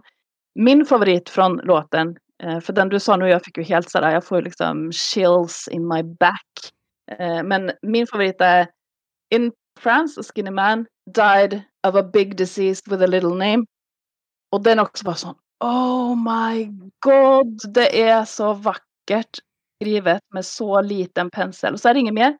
Och vi förstår att det liksom är HIV. Och i 87, du vet ju, alltså det var ju i den värsta eh, HIV-epidemin som liksom Mm. drog genom världen och ingen gjorde någonting, allt det här och Reagan och ja, du vet. Och, och så just det där att, du, att han går från att ha målat med en extremt stor pensel, Mm.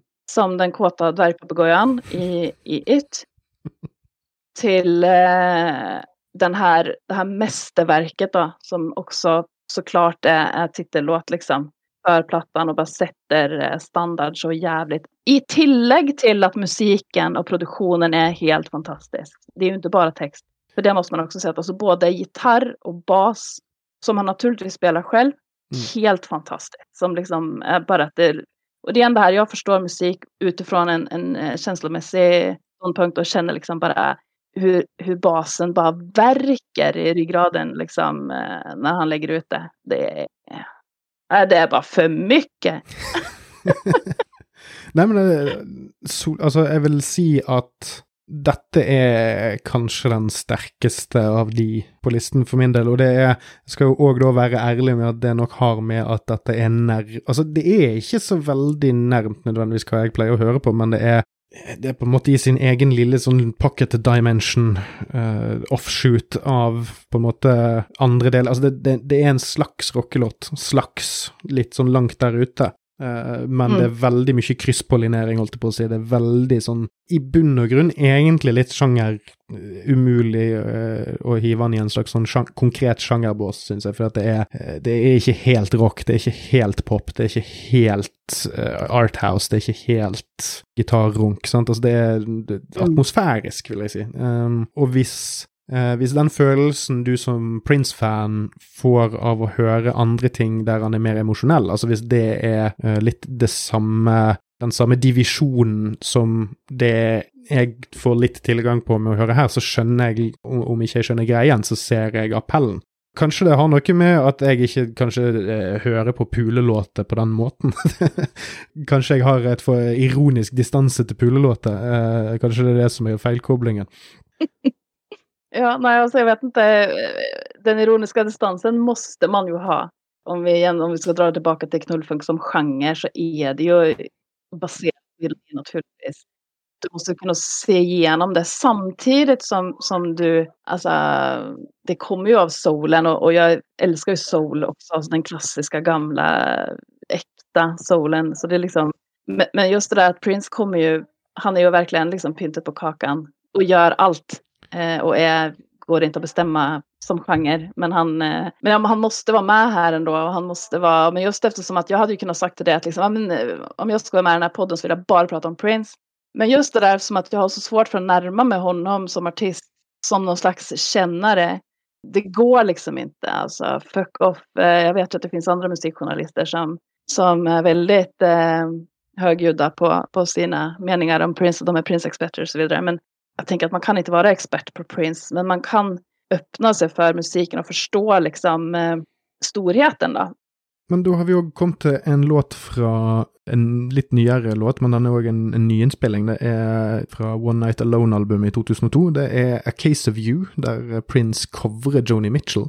Kunne du bare fortalt litt om hva er mytosen der, for din del? Nej, alltså, jag är ju djupt fascinerad av Prince fascination för John Mitchell. Prince är ju, var eh, en av eh, tidernas största Joni Mitchell-fan. Han eh, hade ju i sin ägo liksom eh, en extrem mängd inspelningar med Joni från bootlegs till eh, liveinspelningar till, alltså han var, han beundrade henne verkligen och det tycker jag man kan märka i, alltså i den fantastiska covern han gör av hennes låt. Och den finns ju i många olika versioner, som med väldigt många av Prince-inspelningar så finns ju nästan alla hans låtar i, i en uppsjö av olika versioner. Men just den här versionen är väldigt vacker där han liksom eh, på ett vis, du kan liksom höra hur han, hur han håller tillbaka lite grann av sin princeness och hans den här vanvittiga trangen som han har till att liksom bara glida ut och jamma iväg och göra vad fan han vill. Mm. Så försöker han liksom eh, hedra den här artisten som han verkligen älskar och det tycker jag man kan höra i, i covern att han liksom eh, jag, jag, tycker att det är starkt. Alltså jag, jag, tycker man kan höra det på hans framförande. Att liksom, det här är bara en, en uh, artist som han beundrar. Och det är liksom ingen, det är liksom ingen, ingen baktanke med det att han liksom uh, nu att, att kvinnor, att, att det är någon grej. Alltså, Prince har ju jobbat så hela sitt liv att han väljer de duktigaste musikerna som ger honom någonting som han vill vara på samma scen som, som han vill bli associerad med. Eh, om de är kvinnor eller man, det spelar ingen roll. Alltså han, är, han har igen det här flytande och han, jag tycker ju att han är extremt bra på att liksom vinkla och ta fram den kvinnliga erfarenheten lika mycket som den manliga när han är en sån kåt papegoja eh, som skriker och ropar och, och, och liksom helt saknar gränser.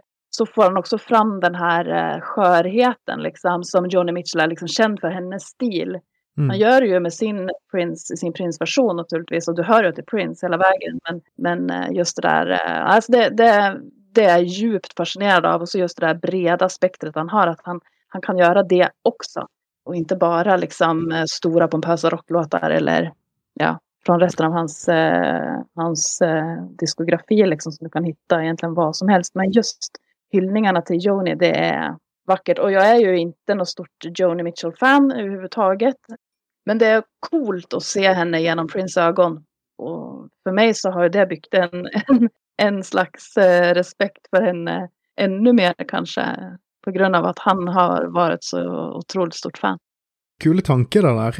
Det jeg òg tenker er fascinerende med den låten, for jeg var egentlig helt enig med deg, men at at han har, han, har, han har, holdt så tilbake.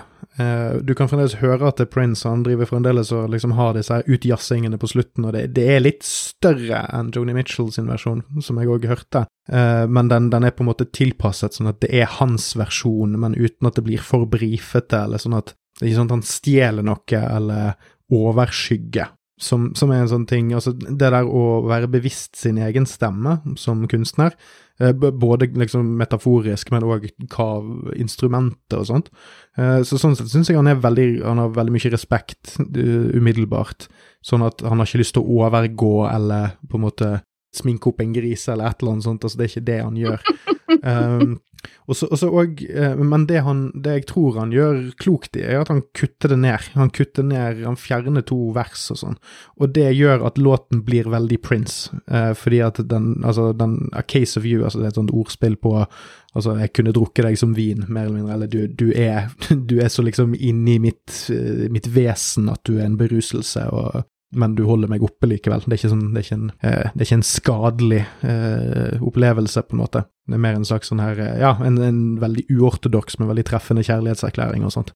Men det at han fjerner de versene, gjør at det blir mye mer konsentrert. Det blir mer Prince. Det blir mer, ja, knullete.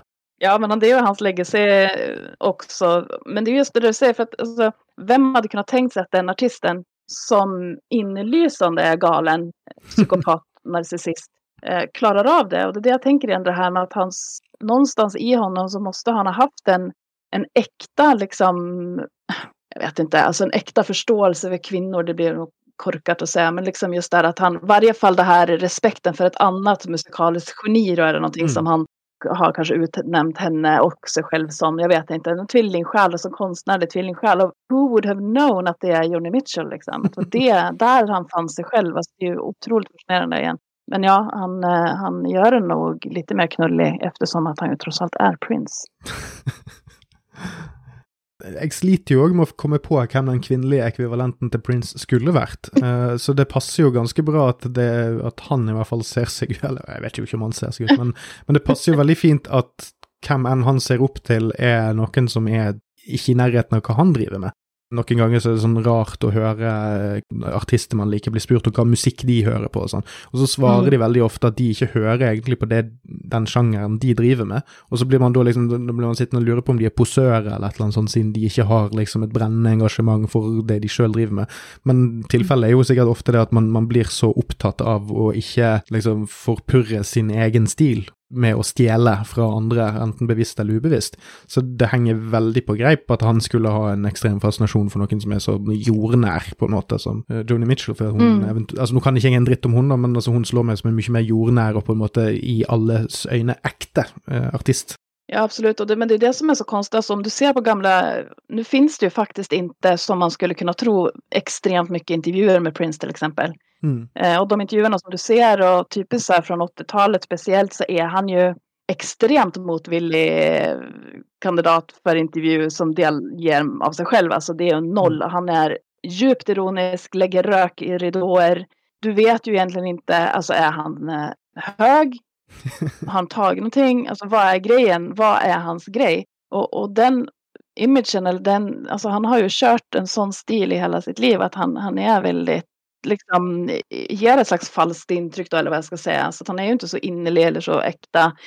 Men så är han ju det ändå med sin konst eller med, med sin musik då. Speciellt, för att igen då, jag tog ju med låtar av Prince som för att visa den här eh, spektret han har. Att liksom, här är det kanske så nära vi kommer på Prince, men så är det med John Mitchell sina ord som han har format om i sin Prince-låda och så liksom eh, bjuder oss en liten del av, av någonting som ligger nära honom då tror jag.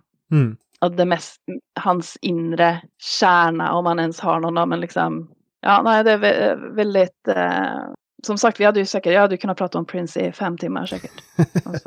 ja, men då, eh, mm. för att sörja för att eh, vi i alla fall eh, klarar oss in på halvparten av den tiden där, så kan vi ju gå vidare till i Could Never Take The Place of Your Man På Sign of the Times. Sign O The Times. Eh, uh, og den er ganske mørk tematisk, men den er en ganske sånn lystig poplåt. Veldig sånn eh, stilig synt, og det er veldig sånn her Litt sånn eh, svevende nedadgående tjo og hei, dette er livet, på en måte type låt.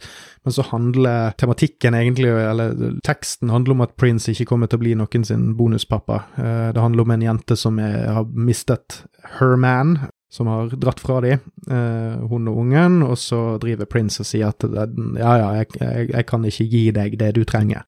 Og så minner vi det meg litt om Purple Rain, i den forstand at eh, i denne låten og i Purple Rain-filmen så er kvinners lidelse eh, for meg virker det i hvert fall eh, som at kvinners lidelse bare reflekteres i hvordan det påvirker mennene og liksom smerten menn opplever med liksom det.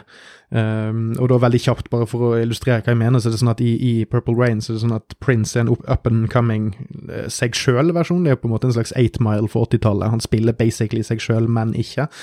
Og han har en far som òg var han, han, var på nippet til å bryte igjennom i, sitt, eh, i sin musikkarriere for mange år siden, men så ble han bare en gammel alkis, og nå banker han opp moren til Prince og slår han òg. Dette blir da speilet i en scene seinere i filmen der Prince òg liksom, han er helt på nippet til å slå gjennom, akkurat som far sin, og så går ting litt på tverke, og så slår han liksom kjæresten sin. Vanity, tror jeg det er som spiller hun. Og der er det sånn at det får ikke noen konsekvens i filmen, annet enn at hun blir litt sur på han og sånn, men altså, det, det er jo disse kunstneriske mennene, og vi må jo skjønne at At, at det er hardt å være en lidende mann. Så, så jeg, jeg, får litt den følelsen her òg, for når Prince synger om det, der, så det er sånn Skjønner ikke du hvor mye det plager meg at du trenger noen i livet ditt på den måten, og så er du her, och liksom up in my grill om det. Så jag är lite, jag är lite spent på att höra hva du har. Nej, men det, alltså, det här är ju så bra för att det, alltså, om möjligt så är ju det, den här låten är ju en av få där jag inte har lyssnat så mycket på texten. Jag har naturligtvis förstått att det är det här som det handlar om och så vidare. Men det är det först och främst är ju en sån, eh, den här mixen, precis som du nämner med att liksom en, en mix av extrem bubblegum-pop, alltså en perfekt poplåt i tre minuter. Med allt det här, så handklappen, alltså allt är med. Liksom som att han har tänkt att nu ska jag göra en helt sjuk poplåt som jag liksom följer precis eh, uppskriften för det. Eh, och så har jag den här texten som jag skrev för några år sedan som jag bara lägger på eh, som passar till, som eh, mörk som fan. Men, eh, men det är liksom bubblegum-musiken som jag ska få fram här. Men ja, det är ju ett tema här alltså. Det, det, jag ser den. Jag tror ju inte att eh, Alltså jag, jag ser ju, nu vill jag ju tolka prins i bästa mening. Mm. Jag tror att det är mer en slags en social kommentar till andra svin, manliga svin som lämnar sina kvinnor med barn som står kvar desperata efter en och delar sitt liv med. Eh, där han kanske bara är en karaktär som är ärlig och säger att alltså, jag är kanske kvalificerad som ett one night stand men mm. eh, jag kan inte liksom eh, bli någon jävla bonuspappa här. Att, och, det, och det är ju ingenting som, alltså den hållningen är ju ingenting som speglar Prince eh, övriga konstnärskap. Men du har nog väldigt rätt i det du sa om det här med att han, just den här tanken liksom på det manliga geniet, att åh gud det är så jobbigt att vara ett manligt geni, att du fattar inte liksom, belasta inte med mig med sådana små petty things. Så tror jag nog att han kan ha varit, eh, alltså, men inte liksom sett utifrån ett könsperspektiv om du förstår. Jag tror inte han jag tror verkligen på riktigt inte. Jag vet ju inte om han var bifil eller om han, alltså vilken sexuell läggning Prince hade. Det är fullständigt också ointressant. Men jag tror han själv såg på sig själv som Prince och inte liksom på, på någon slags representant för det manliga eller kvinnliga eller på något som helst vis. Men det, men det är intressant alltså. Nu, nu börjar jag ju gilla den här låten sämre för att du sa så. Men okej. Okay. Eh, det är fortfarande en helt perfekt eh, poplåt. Helt till att eh, alltså den är väl, på plattan så är det väl ungefär sex minuter tror jag. Och eh, den är ju varje fall tre minuter för lång. Eh, men det är också igen det där att han, när han är liksom färdig med att visa fram till liksom världen, bara se här, här har jag gjort den perfekta poplåten. Mm. Nu bara jammar jag lös, jag vad fan jag vill med det och liksom drar in funken och drar in andra element som liksom inte hör hemma i den där sockersöta straight up eh, radiopoppen som han egentligen eh, har liksom presenterat de första tre minuterna. Där vi vet bara, ja, men det här vet vi precis vad det här är för låt. Och så bara plötsligt, åh ja, så vänder den så här. Och det är säkert många som inte gillar och tänker att, ja men vad fan, liksom, kan han inte bara göra en helt vanlig poplåt? Men... Eh... Det kommer avslutas ju med ett eh, rockeskrik och sånt. Det är ju också eh, käckt. Eh, veldig bra, tror jeg. Eh, notatene mine er nok eh, litt foreldet, for jeg sa jo at Sign of the Times var det mest favoritt på listen. Eh, det kan mm. hende at den og den her kniver litt. Av omtrent oh. de, alle de grunnene eh, du trekker fram. og så er det også sånn, jeg skal vokte meg litt, for at um, jeg er fan av litt for mange ting som er lagd av litt for mange assholes til å på en måte skulle felle noe dom over Prince sitt kvinnesyn på den måten. Altså, det er sånn, Eller felle dom, det kan man jo gjøre, men det er ikke sånn at jeg avskriver det som en konsekvens, da, eventuelt. Uh, og så er det egentlig bare det at jeg tror en film som Purple Rain bare er Problemet med musikere som lager film, er at plutselig så viser du med et hardt bilde hva du synger om, på en måte. Og några av tankene mine med Purple Rain er at det er en veldig lite subtil film, og det er en, den, den er, du har Morris Day som går rundt som en sånn her eh, sånn Looney Tunes-skurk, eh, med, med sånn manservant eh, följande følgende etter seg. Og det, det, det, det, er så mange sånne tegnefilmsituasjoner som da gjør at den her harde sosialrealismen kombinert med liksom det lidende geniet blir så det stikker sånn ut, og da farger det sikkert litt hvordan Altså, når jeg, når jeg vet at hei, dette slapp han igjennom på en måte med sin kunstneriske kontroll, da. Han var nesten på mm. Det var omtrent storhetstiden hans, ish. Uh, så, så, farger det litt, da. Uh, mm. Og det er, jo, det er, jo, kanskje en sykdom. Uh, og, og, så må man jo tenke at denne låten her sikkert Det er jo og, altså det er jo ikke Prince som synger nødvendigvis, det er jo kanskje en figur. altså det er ikke ja. Men han er det, det, sier kanskje noe om hvordan jeg, jeg hører han, fordi at det sier litt om hvor real han klarer å, å synge og fremføre. Mm. At jeg noen ganger kanskje ikke er kritisk nok til hvem snakker? Altså, hvor, mye er dette et mm. uttrykk for han, uh, og hvor mye er det liksom en, en karakter han, han, är? Ja, precis. Nej, men det, och det där jag tror att, han, att, han, att det är väldigt beskrivande för hans, hela hans konstnärskap, att han går in i roller mm. och beskriver. Alltså, och det är därför som vi aldrig, alltså att Prince blir mer och mer som en lök som inte har en kärna, för att han är inte bara en sak, utan han, han presenterar liksom massa olika saker från olika vinklar. Men, men igen då, det är också för att jag har lust att, att tolka honom välvilligt och inte tänka att han har någon fucked up kvinnosyn. Mm. Men på något vis så har han ju, han har ju i sitt sätt och i sin liksom historia generellt inte så många saker eh, som talar emot att han skulle ha någon screwed up eh, kvinnosyn egentligen. Alltså heller tvärtom. Men, det är väl mest disse här, bara eneste jeg vet om han, er disse her, disse her starlettene som han proppet upp. Som, som for eksempel Vanity og er det Shaka Khan? Mm. Nej, är det, det en dude eller en dame? Shaka Khan är en dame, ja. crazy. Nej, jag, jag har aldrig hört något. en av uh, funkens uh, urmödrar. Mm. Jeg vet ikke, jeg. Men altså, jeg vet i hvert fall at det er noe med den her eh, Nå har jeg masse folk som jeg på en måte kontrollerer kunstnerisk rundt meg, og litt sånne mm. ting som er men det, men det, er jo for så vidt en, en diskusjon til en annen dag, da. Ja, uh, men det er veldig interessant altså, for at han er jo altså, han, har jo, han hadde ofte kvinnelige trommiser, kvinnelige bassister. Och man kan ju säga att liksom, okay, det var för att han eh, gillade att hänga med vackra kvinnor och inte tålde mäns mm. kritik eller något sånt där. Alltså det, man kan ju vinkla det hur man vill, det vet jag inte. Men jag tycker att det lyser igenom i Prince eh, person att han hade en djup respekt för kvinnor. Mm. Generellt. Och då är det ju inte bara John Mitchell, men ja. ja og bare for å sette en kork i Purple Rain-diskusjonen, så er jo det faktisk mm. et plottpoeng. At uh, på en måte finalen i filmen er at han omsider lar damene i bandet få være med og lage låtene, og da komme gjennombruddet, eller sånt. Samtidig som liksom ah. får hentet inn faren sin gamle musikk og sånt, så det er tematisk sett veldig bra. Uh, men, men, så er det jo igjen, man kan jo filmkritisk gå inn og si sånn ja ja, men det er fremdeles en sang om en, liden, en, en, en film om en lidende mann og, ja. som bare ja, må slå ja, kvinnfolk i frustrasjon. Altså, sant? Man, man, kan alltid ha en sånn mm. baktanke der, da. Men, eh, men uh, artig at du sier det, for det, det, da henger ting med på greip for meg, altså. Nå går vi videre til neste låt. Eh, det er den mhm. aller nyeste låten. Det er fra Art Official Age fra 2014. Eh, sangen heter Way Back Home. Det er jo en sånn, det er kanskje òg den andre låten på den listen som er på en måte ikke jeg, Som på en måte liksom er der bare litt. Det er ikke sånn at jeg har så ekstremt mye kommentarer på den. Den er litt sånn dvelende og kontemplerende. Så eh, jeg er bare litt sånn spent på liksom å høre hva du sa jo sjøl at du egentlig ikke likte så mye av det han gjorde etter slutten av 80-tallet, så tenker jeg kanskje Nej, det här är ju fascinerande med, med Prince eftersom att man måste ju komma ihåg att för oss Prince-fans så hade det då inte kommit en platta på i varje fall tio år. Mm. Alltså vissa, jag på, vill ju säga ännu längre, eh, men vissa säger ju liksom att Musicology som kom 2003 kanske. Alltså efter Musicology så kom det ingenting från Prince. Och så var det 2014 och så annonserade att han skulle släppa två album mm. samtidigt.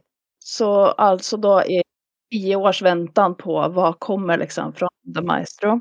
Och så släpper han eh, två plattor som sagt men, men den här eh, Artificial Age.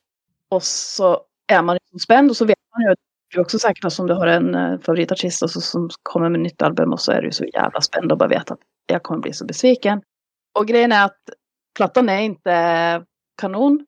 Eh, men den är ju någonting mycket, mycket bättre än, än de här eh, all skit som varit släppt. Egentligen från, i min mening, eh, Sign of the Times till fram till 2014 då när han kom med det här albumet. Fan, och den här låten... Där.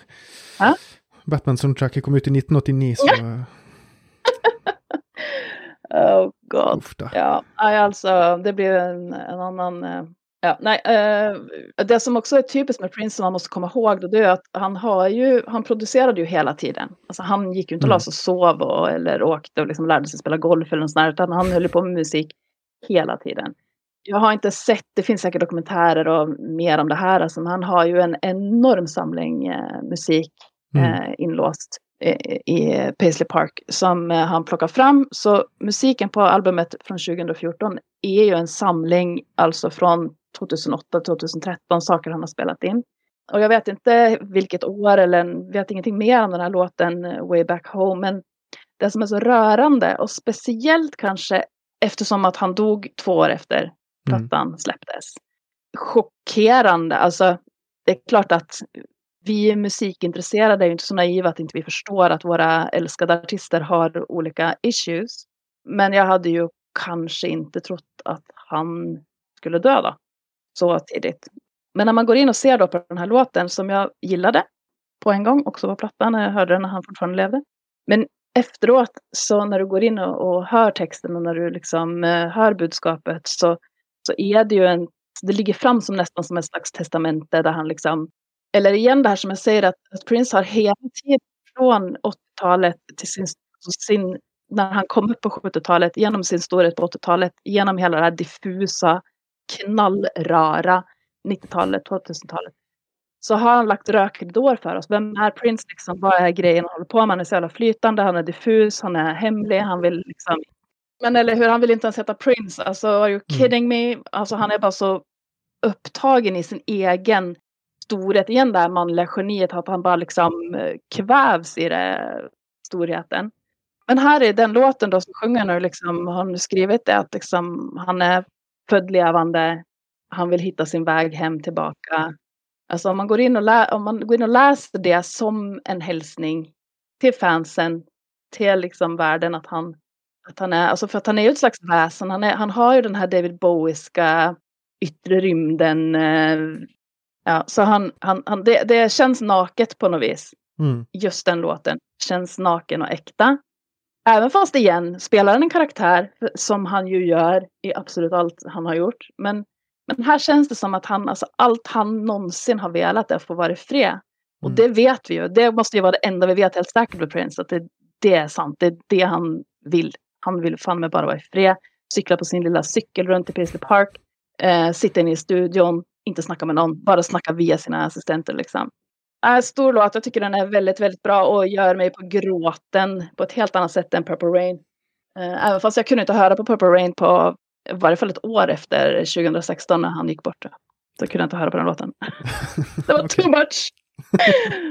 jag syns det är intressant att höra det där, för og igjen, det, det, var litt sånn som jeg, jeg sa med den eh, uh, andre låten som ikke satt så veldig, så er det sånn det, det, er jo ikke en dom over det. Det har jo kanskje òg med liksom sånn Hva er det som er tilgjengelig der for meg som lytter? Sant? Altså, for her hører jeg veldig mye kontekst, så, som òg jeg respekterer veldig som en del av en kunstners greie. Altså sånn, det er faktisk en fan og en artist sitt privilegium å ha eh, en sånn utveksling, sånn der, der dette er ikke det materialet vi ga ut for 30 år siden. Så du må ha vært med på reisen fram hit for å sette pris på det på denne ja. måten, f.eks. Så det, det, kan jeg skjønne, og det kan jeg uh, sympatisere veldig med. Så, så, det er litt sånn artig, da, for det, det, der er jo tanken man gjør seg når man hører om andre sine greier. Så sitter man der, og så kjenner man egentlig ikke så særlig på det. Uh, og så skjønner man ikke helt hva de plaprer om og sånt. Men så er det jo ofte det der at enten så lytter du ikke så mye til liksom, de emosjonelle argumentene til folk, eller, eller så er ikke du med på liksom at man blir mer opptatt av at musikk skal være matematikk, da. At sånn Å ja, jeg, jeg kan, mm. hvis jeg bare viser deg hvordan to og to og tre og tre og pluss og sånt, og så deler vi og gangevis, så ser vi at du burde like denne låten som jeg nå har satt på. Mm. Mens her er det jo mye mer sånn emosjonell eh, bagasje og, og, litt sånne ting. Og det syns jeg er morsomt å høre. Ja, men jag tror det var många av Prince eh, alltså fanklubb Norge och Sverige och whatever, som jobbade med sig själva för att liksom, vi måste gilla den här plattan. Det måste vara bra. Mm. Eh, och så var det nu jävligt konstigt också. Alltså det var ju, ja. jag vill inte säga att det var något, ett, något nytt sound egentligen, men det var ju en ny Prince. Alltså det som hände med Prince också, liksom på slutet var ju att han blev som en liten tant. Med sin liksom stora perm och, och solglasögon och allt det och det tredje ögat och allt det här konstiga han höll på med. Men det var det där att vi stod ju liksom öppna för att nu, nu kommer det någonting här. Och, och det är precis som du säger att det var det var ju som en varm välkomnande hand som sträcktes ut mot fansen. Alltså den var ju extremt riktad mot fans.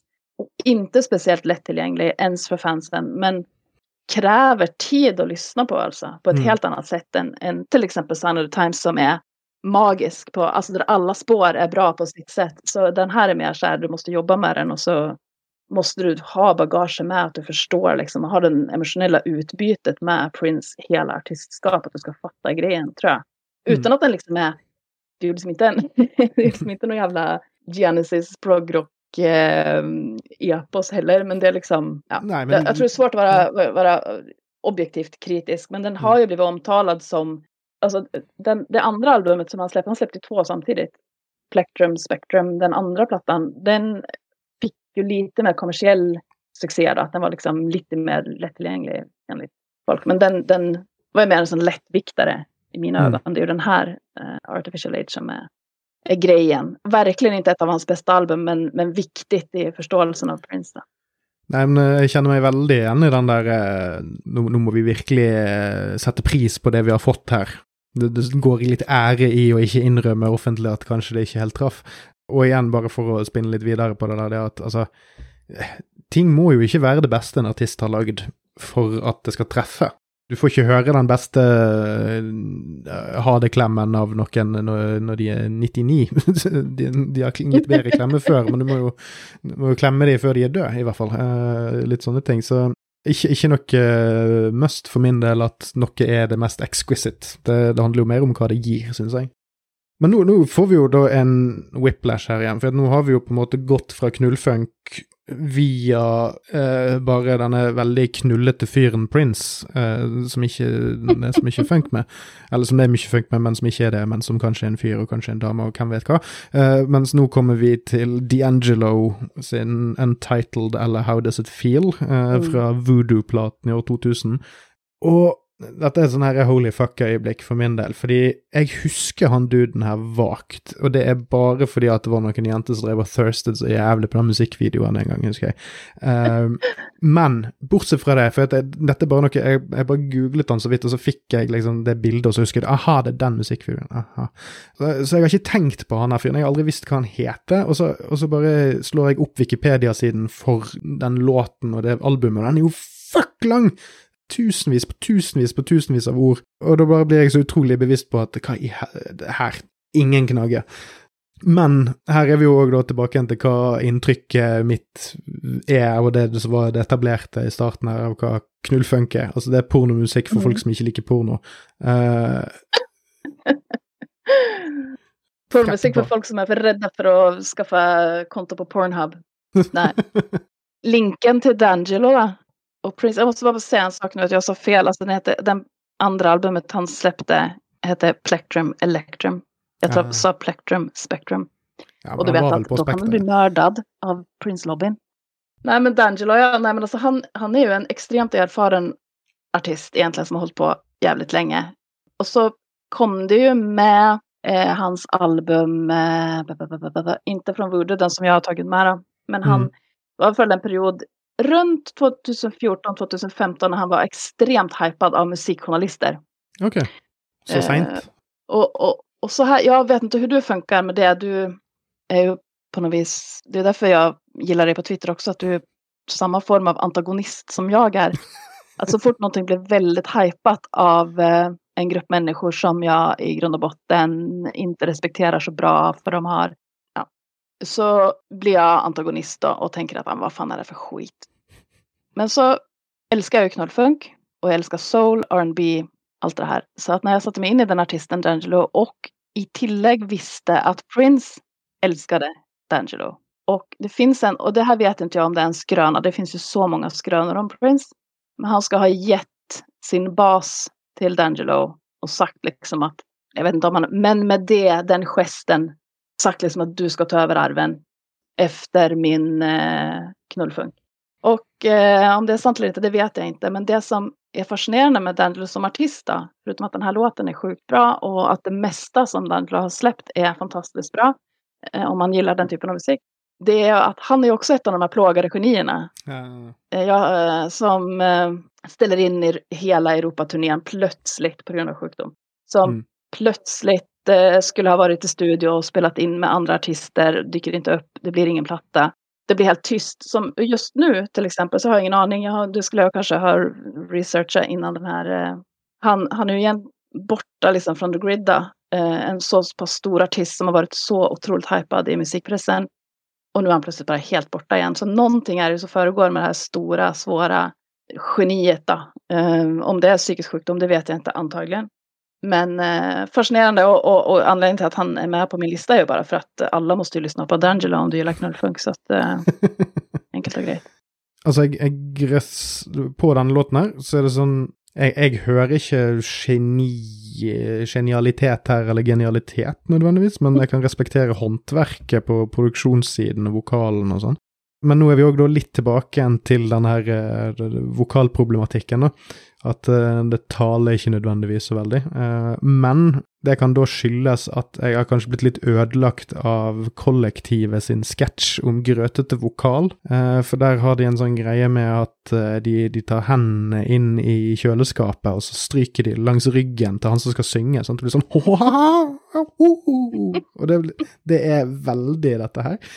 så jeg så bare for meg han D'Angelo stå med noen veldig kalde hender på seg inni med, med bare overkropp, selvfølgelig. Uh, noen som driver og stryker den langs korsryggen mens han synger. Nej, alltså jag förstår, jag förstår precis vad du menar. Men det är liksom lite grann så att om du säger det så du lyssnar säkert inte speciellt mycket på Marvin Gaye heller. Uh, ja, nej, ikke, ikke i denne livssyklusen.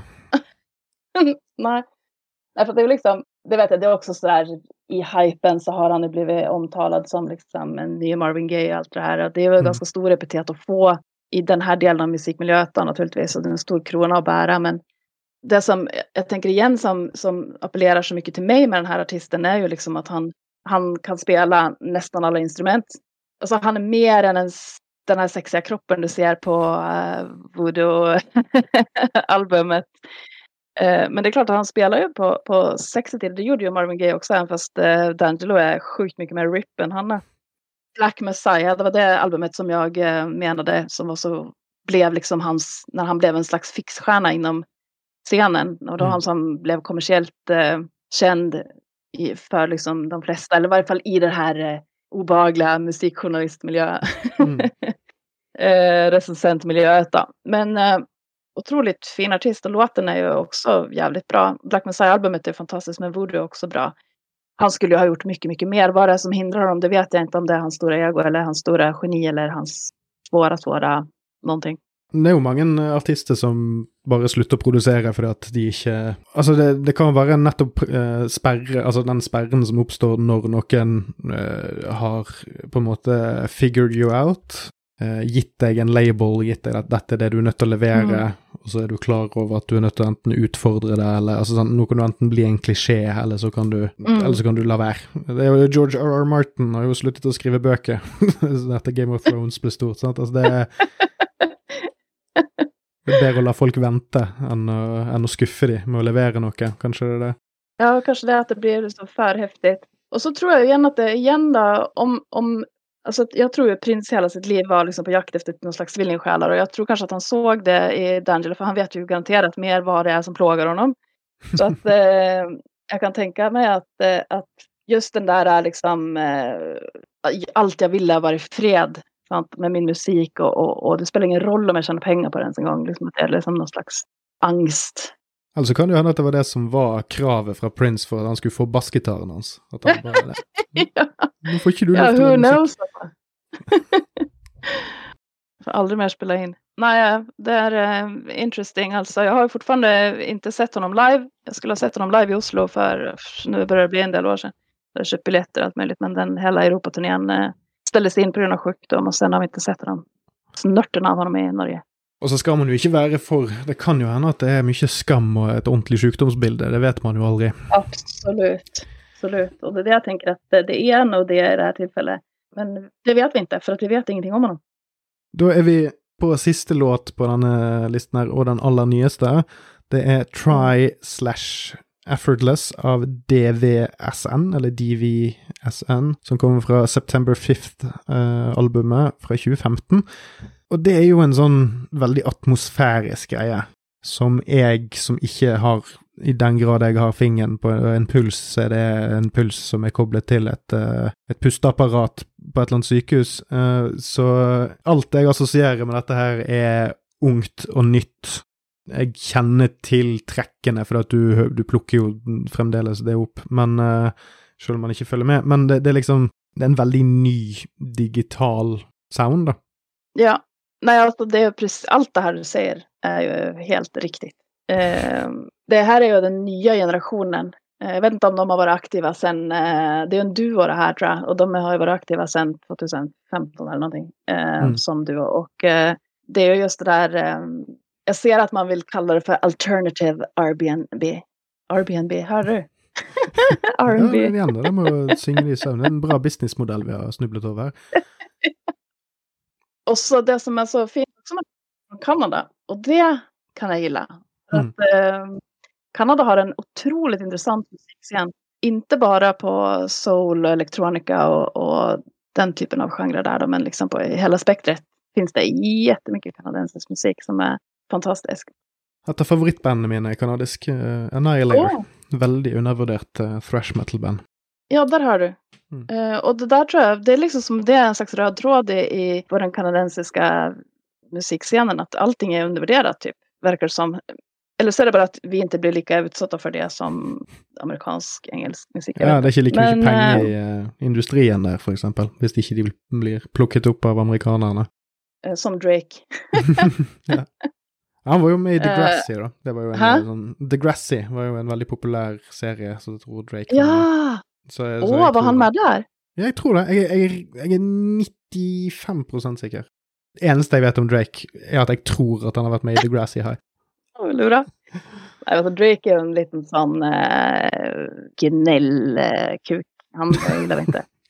Nej, men DVSN de är eh, ett otroligt bra, alltså det är de som man liksom har ögonen på nu känner jag i knullfunk-genren. För att de, eh, är också lite- Knullfulk-journalistene holder øynene på ballen her. ja. Det är de som har, eh, som har liksom eh, pokalen i sina händer nu för att liksom vidareföra arvet.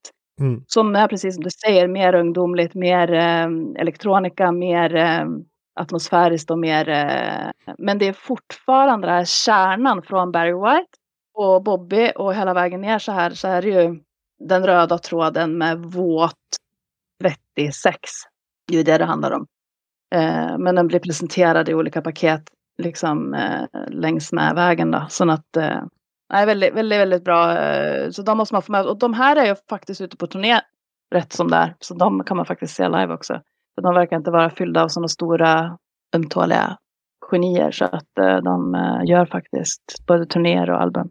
Det er litt sånn artig at du sier at det er en rød tråd eh, fra Barry White og Bobby Brown og helt fram her. For det, det kan jeg på en måte høre. Eh, men det har skjedd noe litt interessant på veien. For det at, altså, sånn uavhengig av, av eh, hva jeg personlig har fått ut av hver låt, da, så er det sånn at med unntak av Prince, så skjønner jeg eh, sangspråket til artistene vi har hatt med. Prince er en litt annen greie, men der, der er òg måten han går inn i det på eh, vokalmessig, til en viss grad tilgjengelig. Det går an å, å leve seg inn i uttrykket. Eh, det jeg merker med denne låten her, er at det er et eller annet som skjer, det er sikkert rundt når dubstepen kommer. Eh, det, er et eller annet som, jo, men det, det er et eller annet som skjer sånn rundt sånn på slutten av 2000-tallet med elektronisk musikk. For at der på en måte blir elektronika og, og, og, og studioprodusert musikk Det bare fusjonerer på en litt sånn rar måte. Eh, som påvirker veldig mye av måten man spiller inn vokal på. Det er noe med den her eh, autotune-rapping Nå sier ikke jeg at det er Mm. det som skjer her på- i denne låten, men at det er noe med en sånn måten man bruker autotune på aktivt som et instrument, tweaking og flikking og sånt. Det er et sånt helt nytt sangspråk som har vokst fram de siste 10-12-13 årene, som er en helt ny greie, som, er, som jeg tror jeg kanskje sliter med å, å høre på. Eh, uten at det er en kritikk av musikken, men at, at jeg tror øret mitt er ikke trent til å plukke opp budskap. Eh, Mm. På samme måte, altså Bobby Brown kan jeg skjønne, Barry White kan jeg skjønne, eh, men, men den måten å høres ut på uh, når du leverer mm. disse linjene, uh, er, er, veldig pussig for meg. Uh, og, og, det er litt sånn Jeg bare kom på det mens du, mens du snakket, at det er det kan kanskje være noe av det. At, det er, at jeg rett og slett er for Jeg har ikke fulgt med i tiden. Det være, at det kan være tilfellet her, da.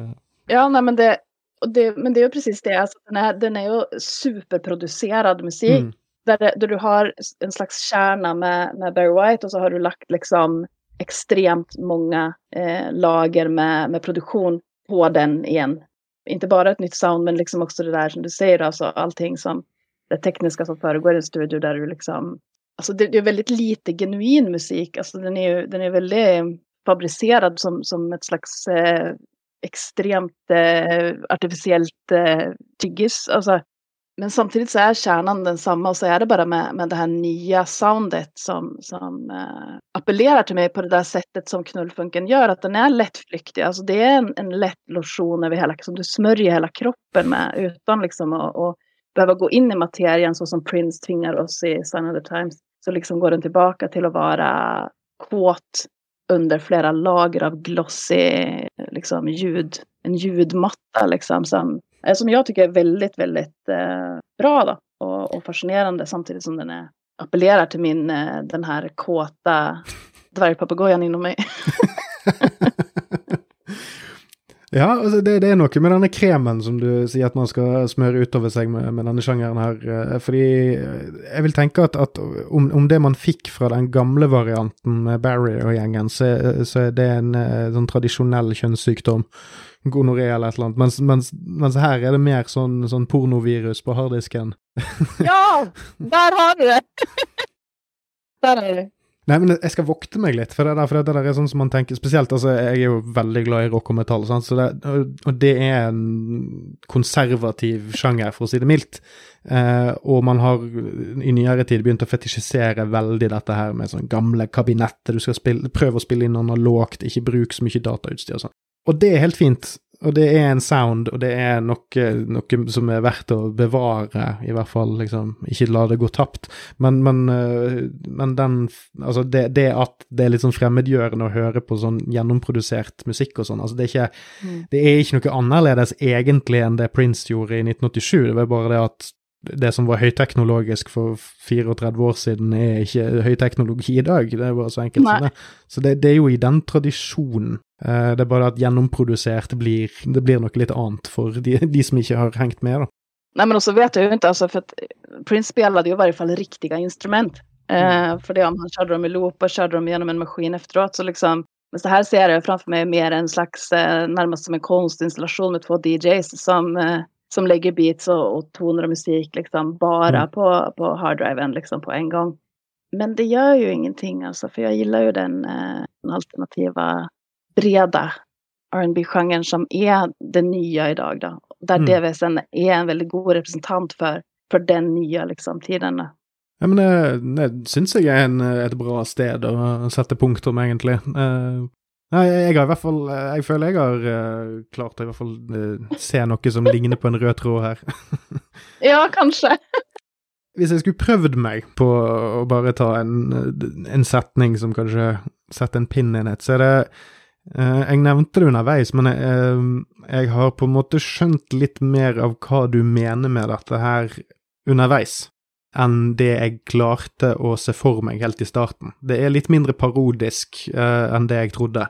Uh, at, at, jo, men altså, misforstå meg rett, altså, det er ikke, altså, det er ikke noe galt i å ha et pussig navn på noe, uh, for moro skyld, men det er jo litt morsomt at Uh, når vi går litt gjennom Du, du sier jo liksom det der at du ikke er så glad i den her uh, Liksom ha, ha, så jævlig noen peiling på produsenter og whatever.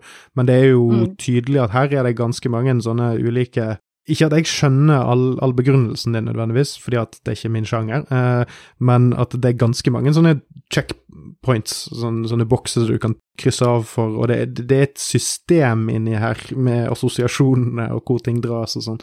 Uh, det syns jeg var veldig morsomt å, å, få på en måte skjønne, sjøl om jeg ikke skjønner. Uh, så takk for det.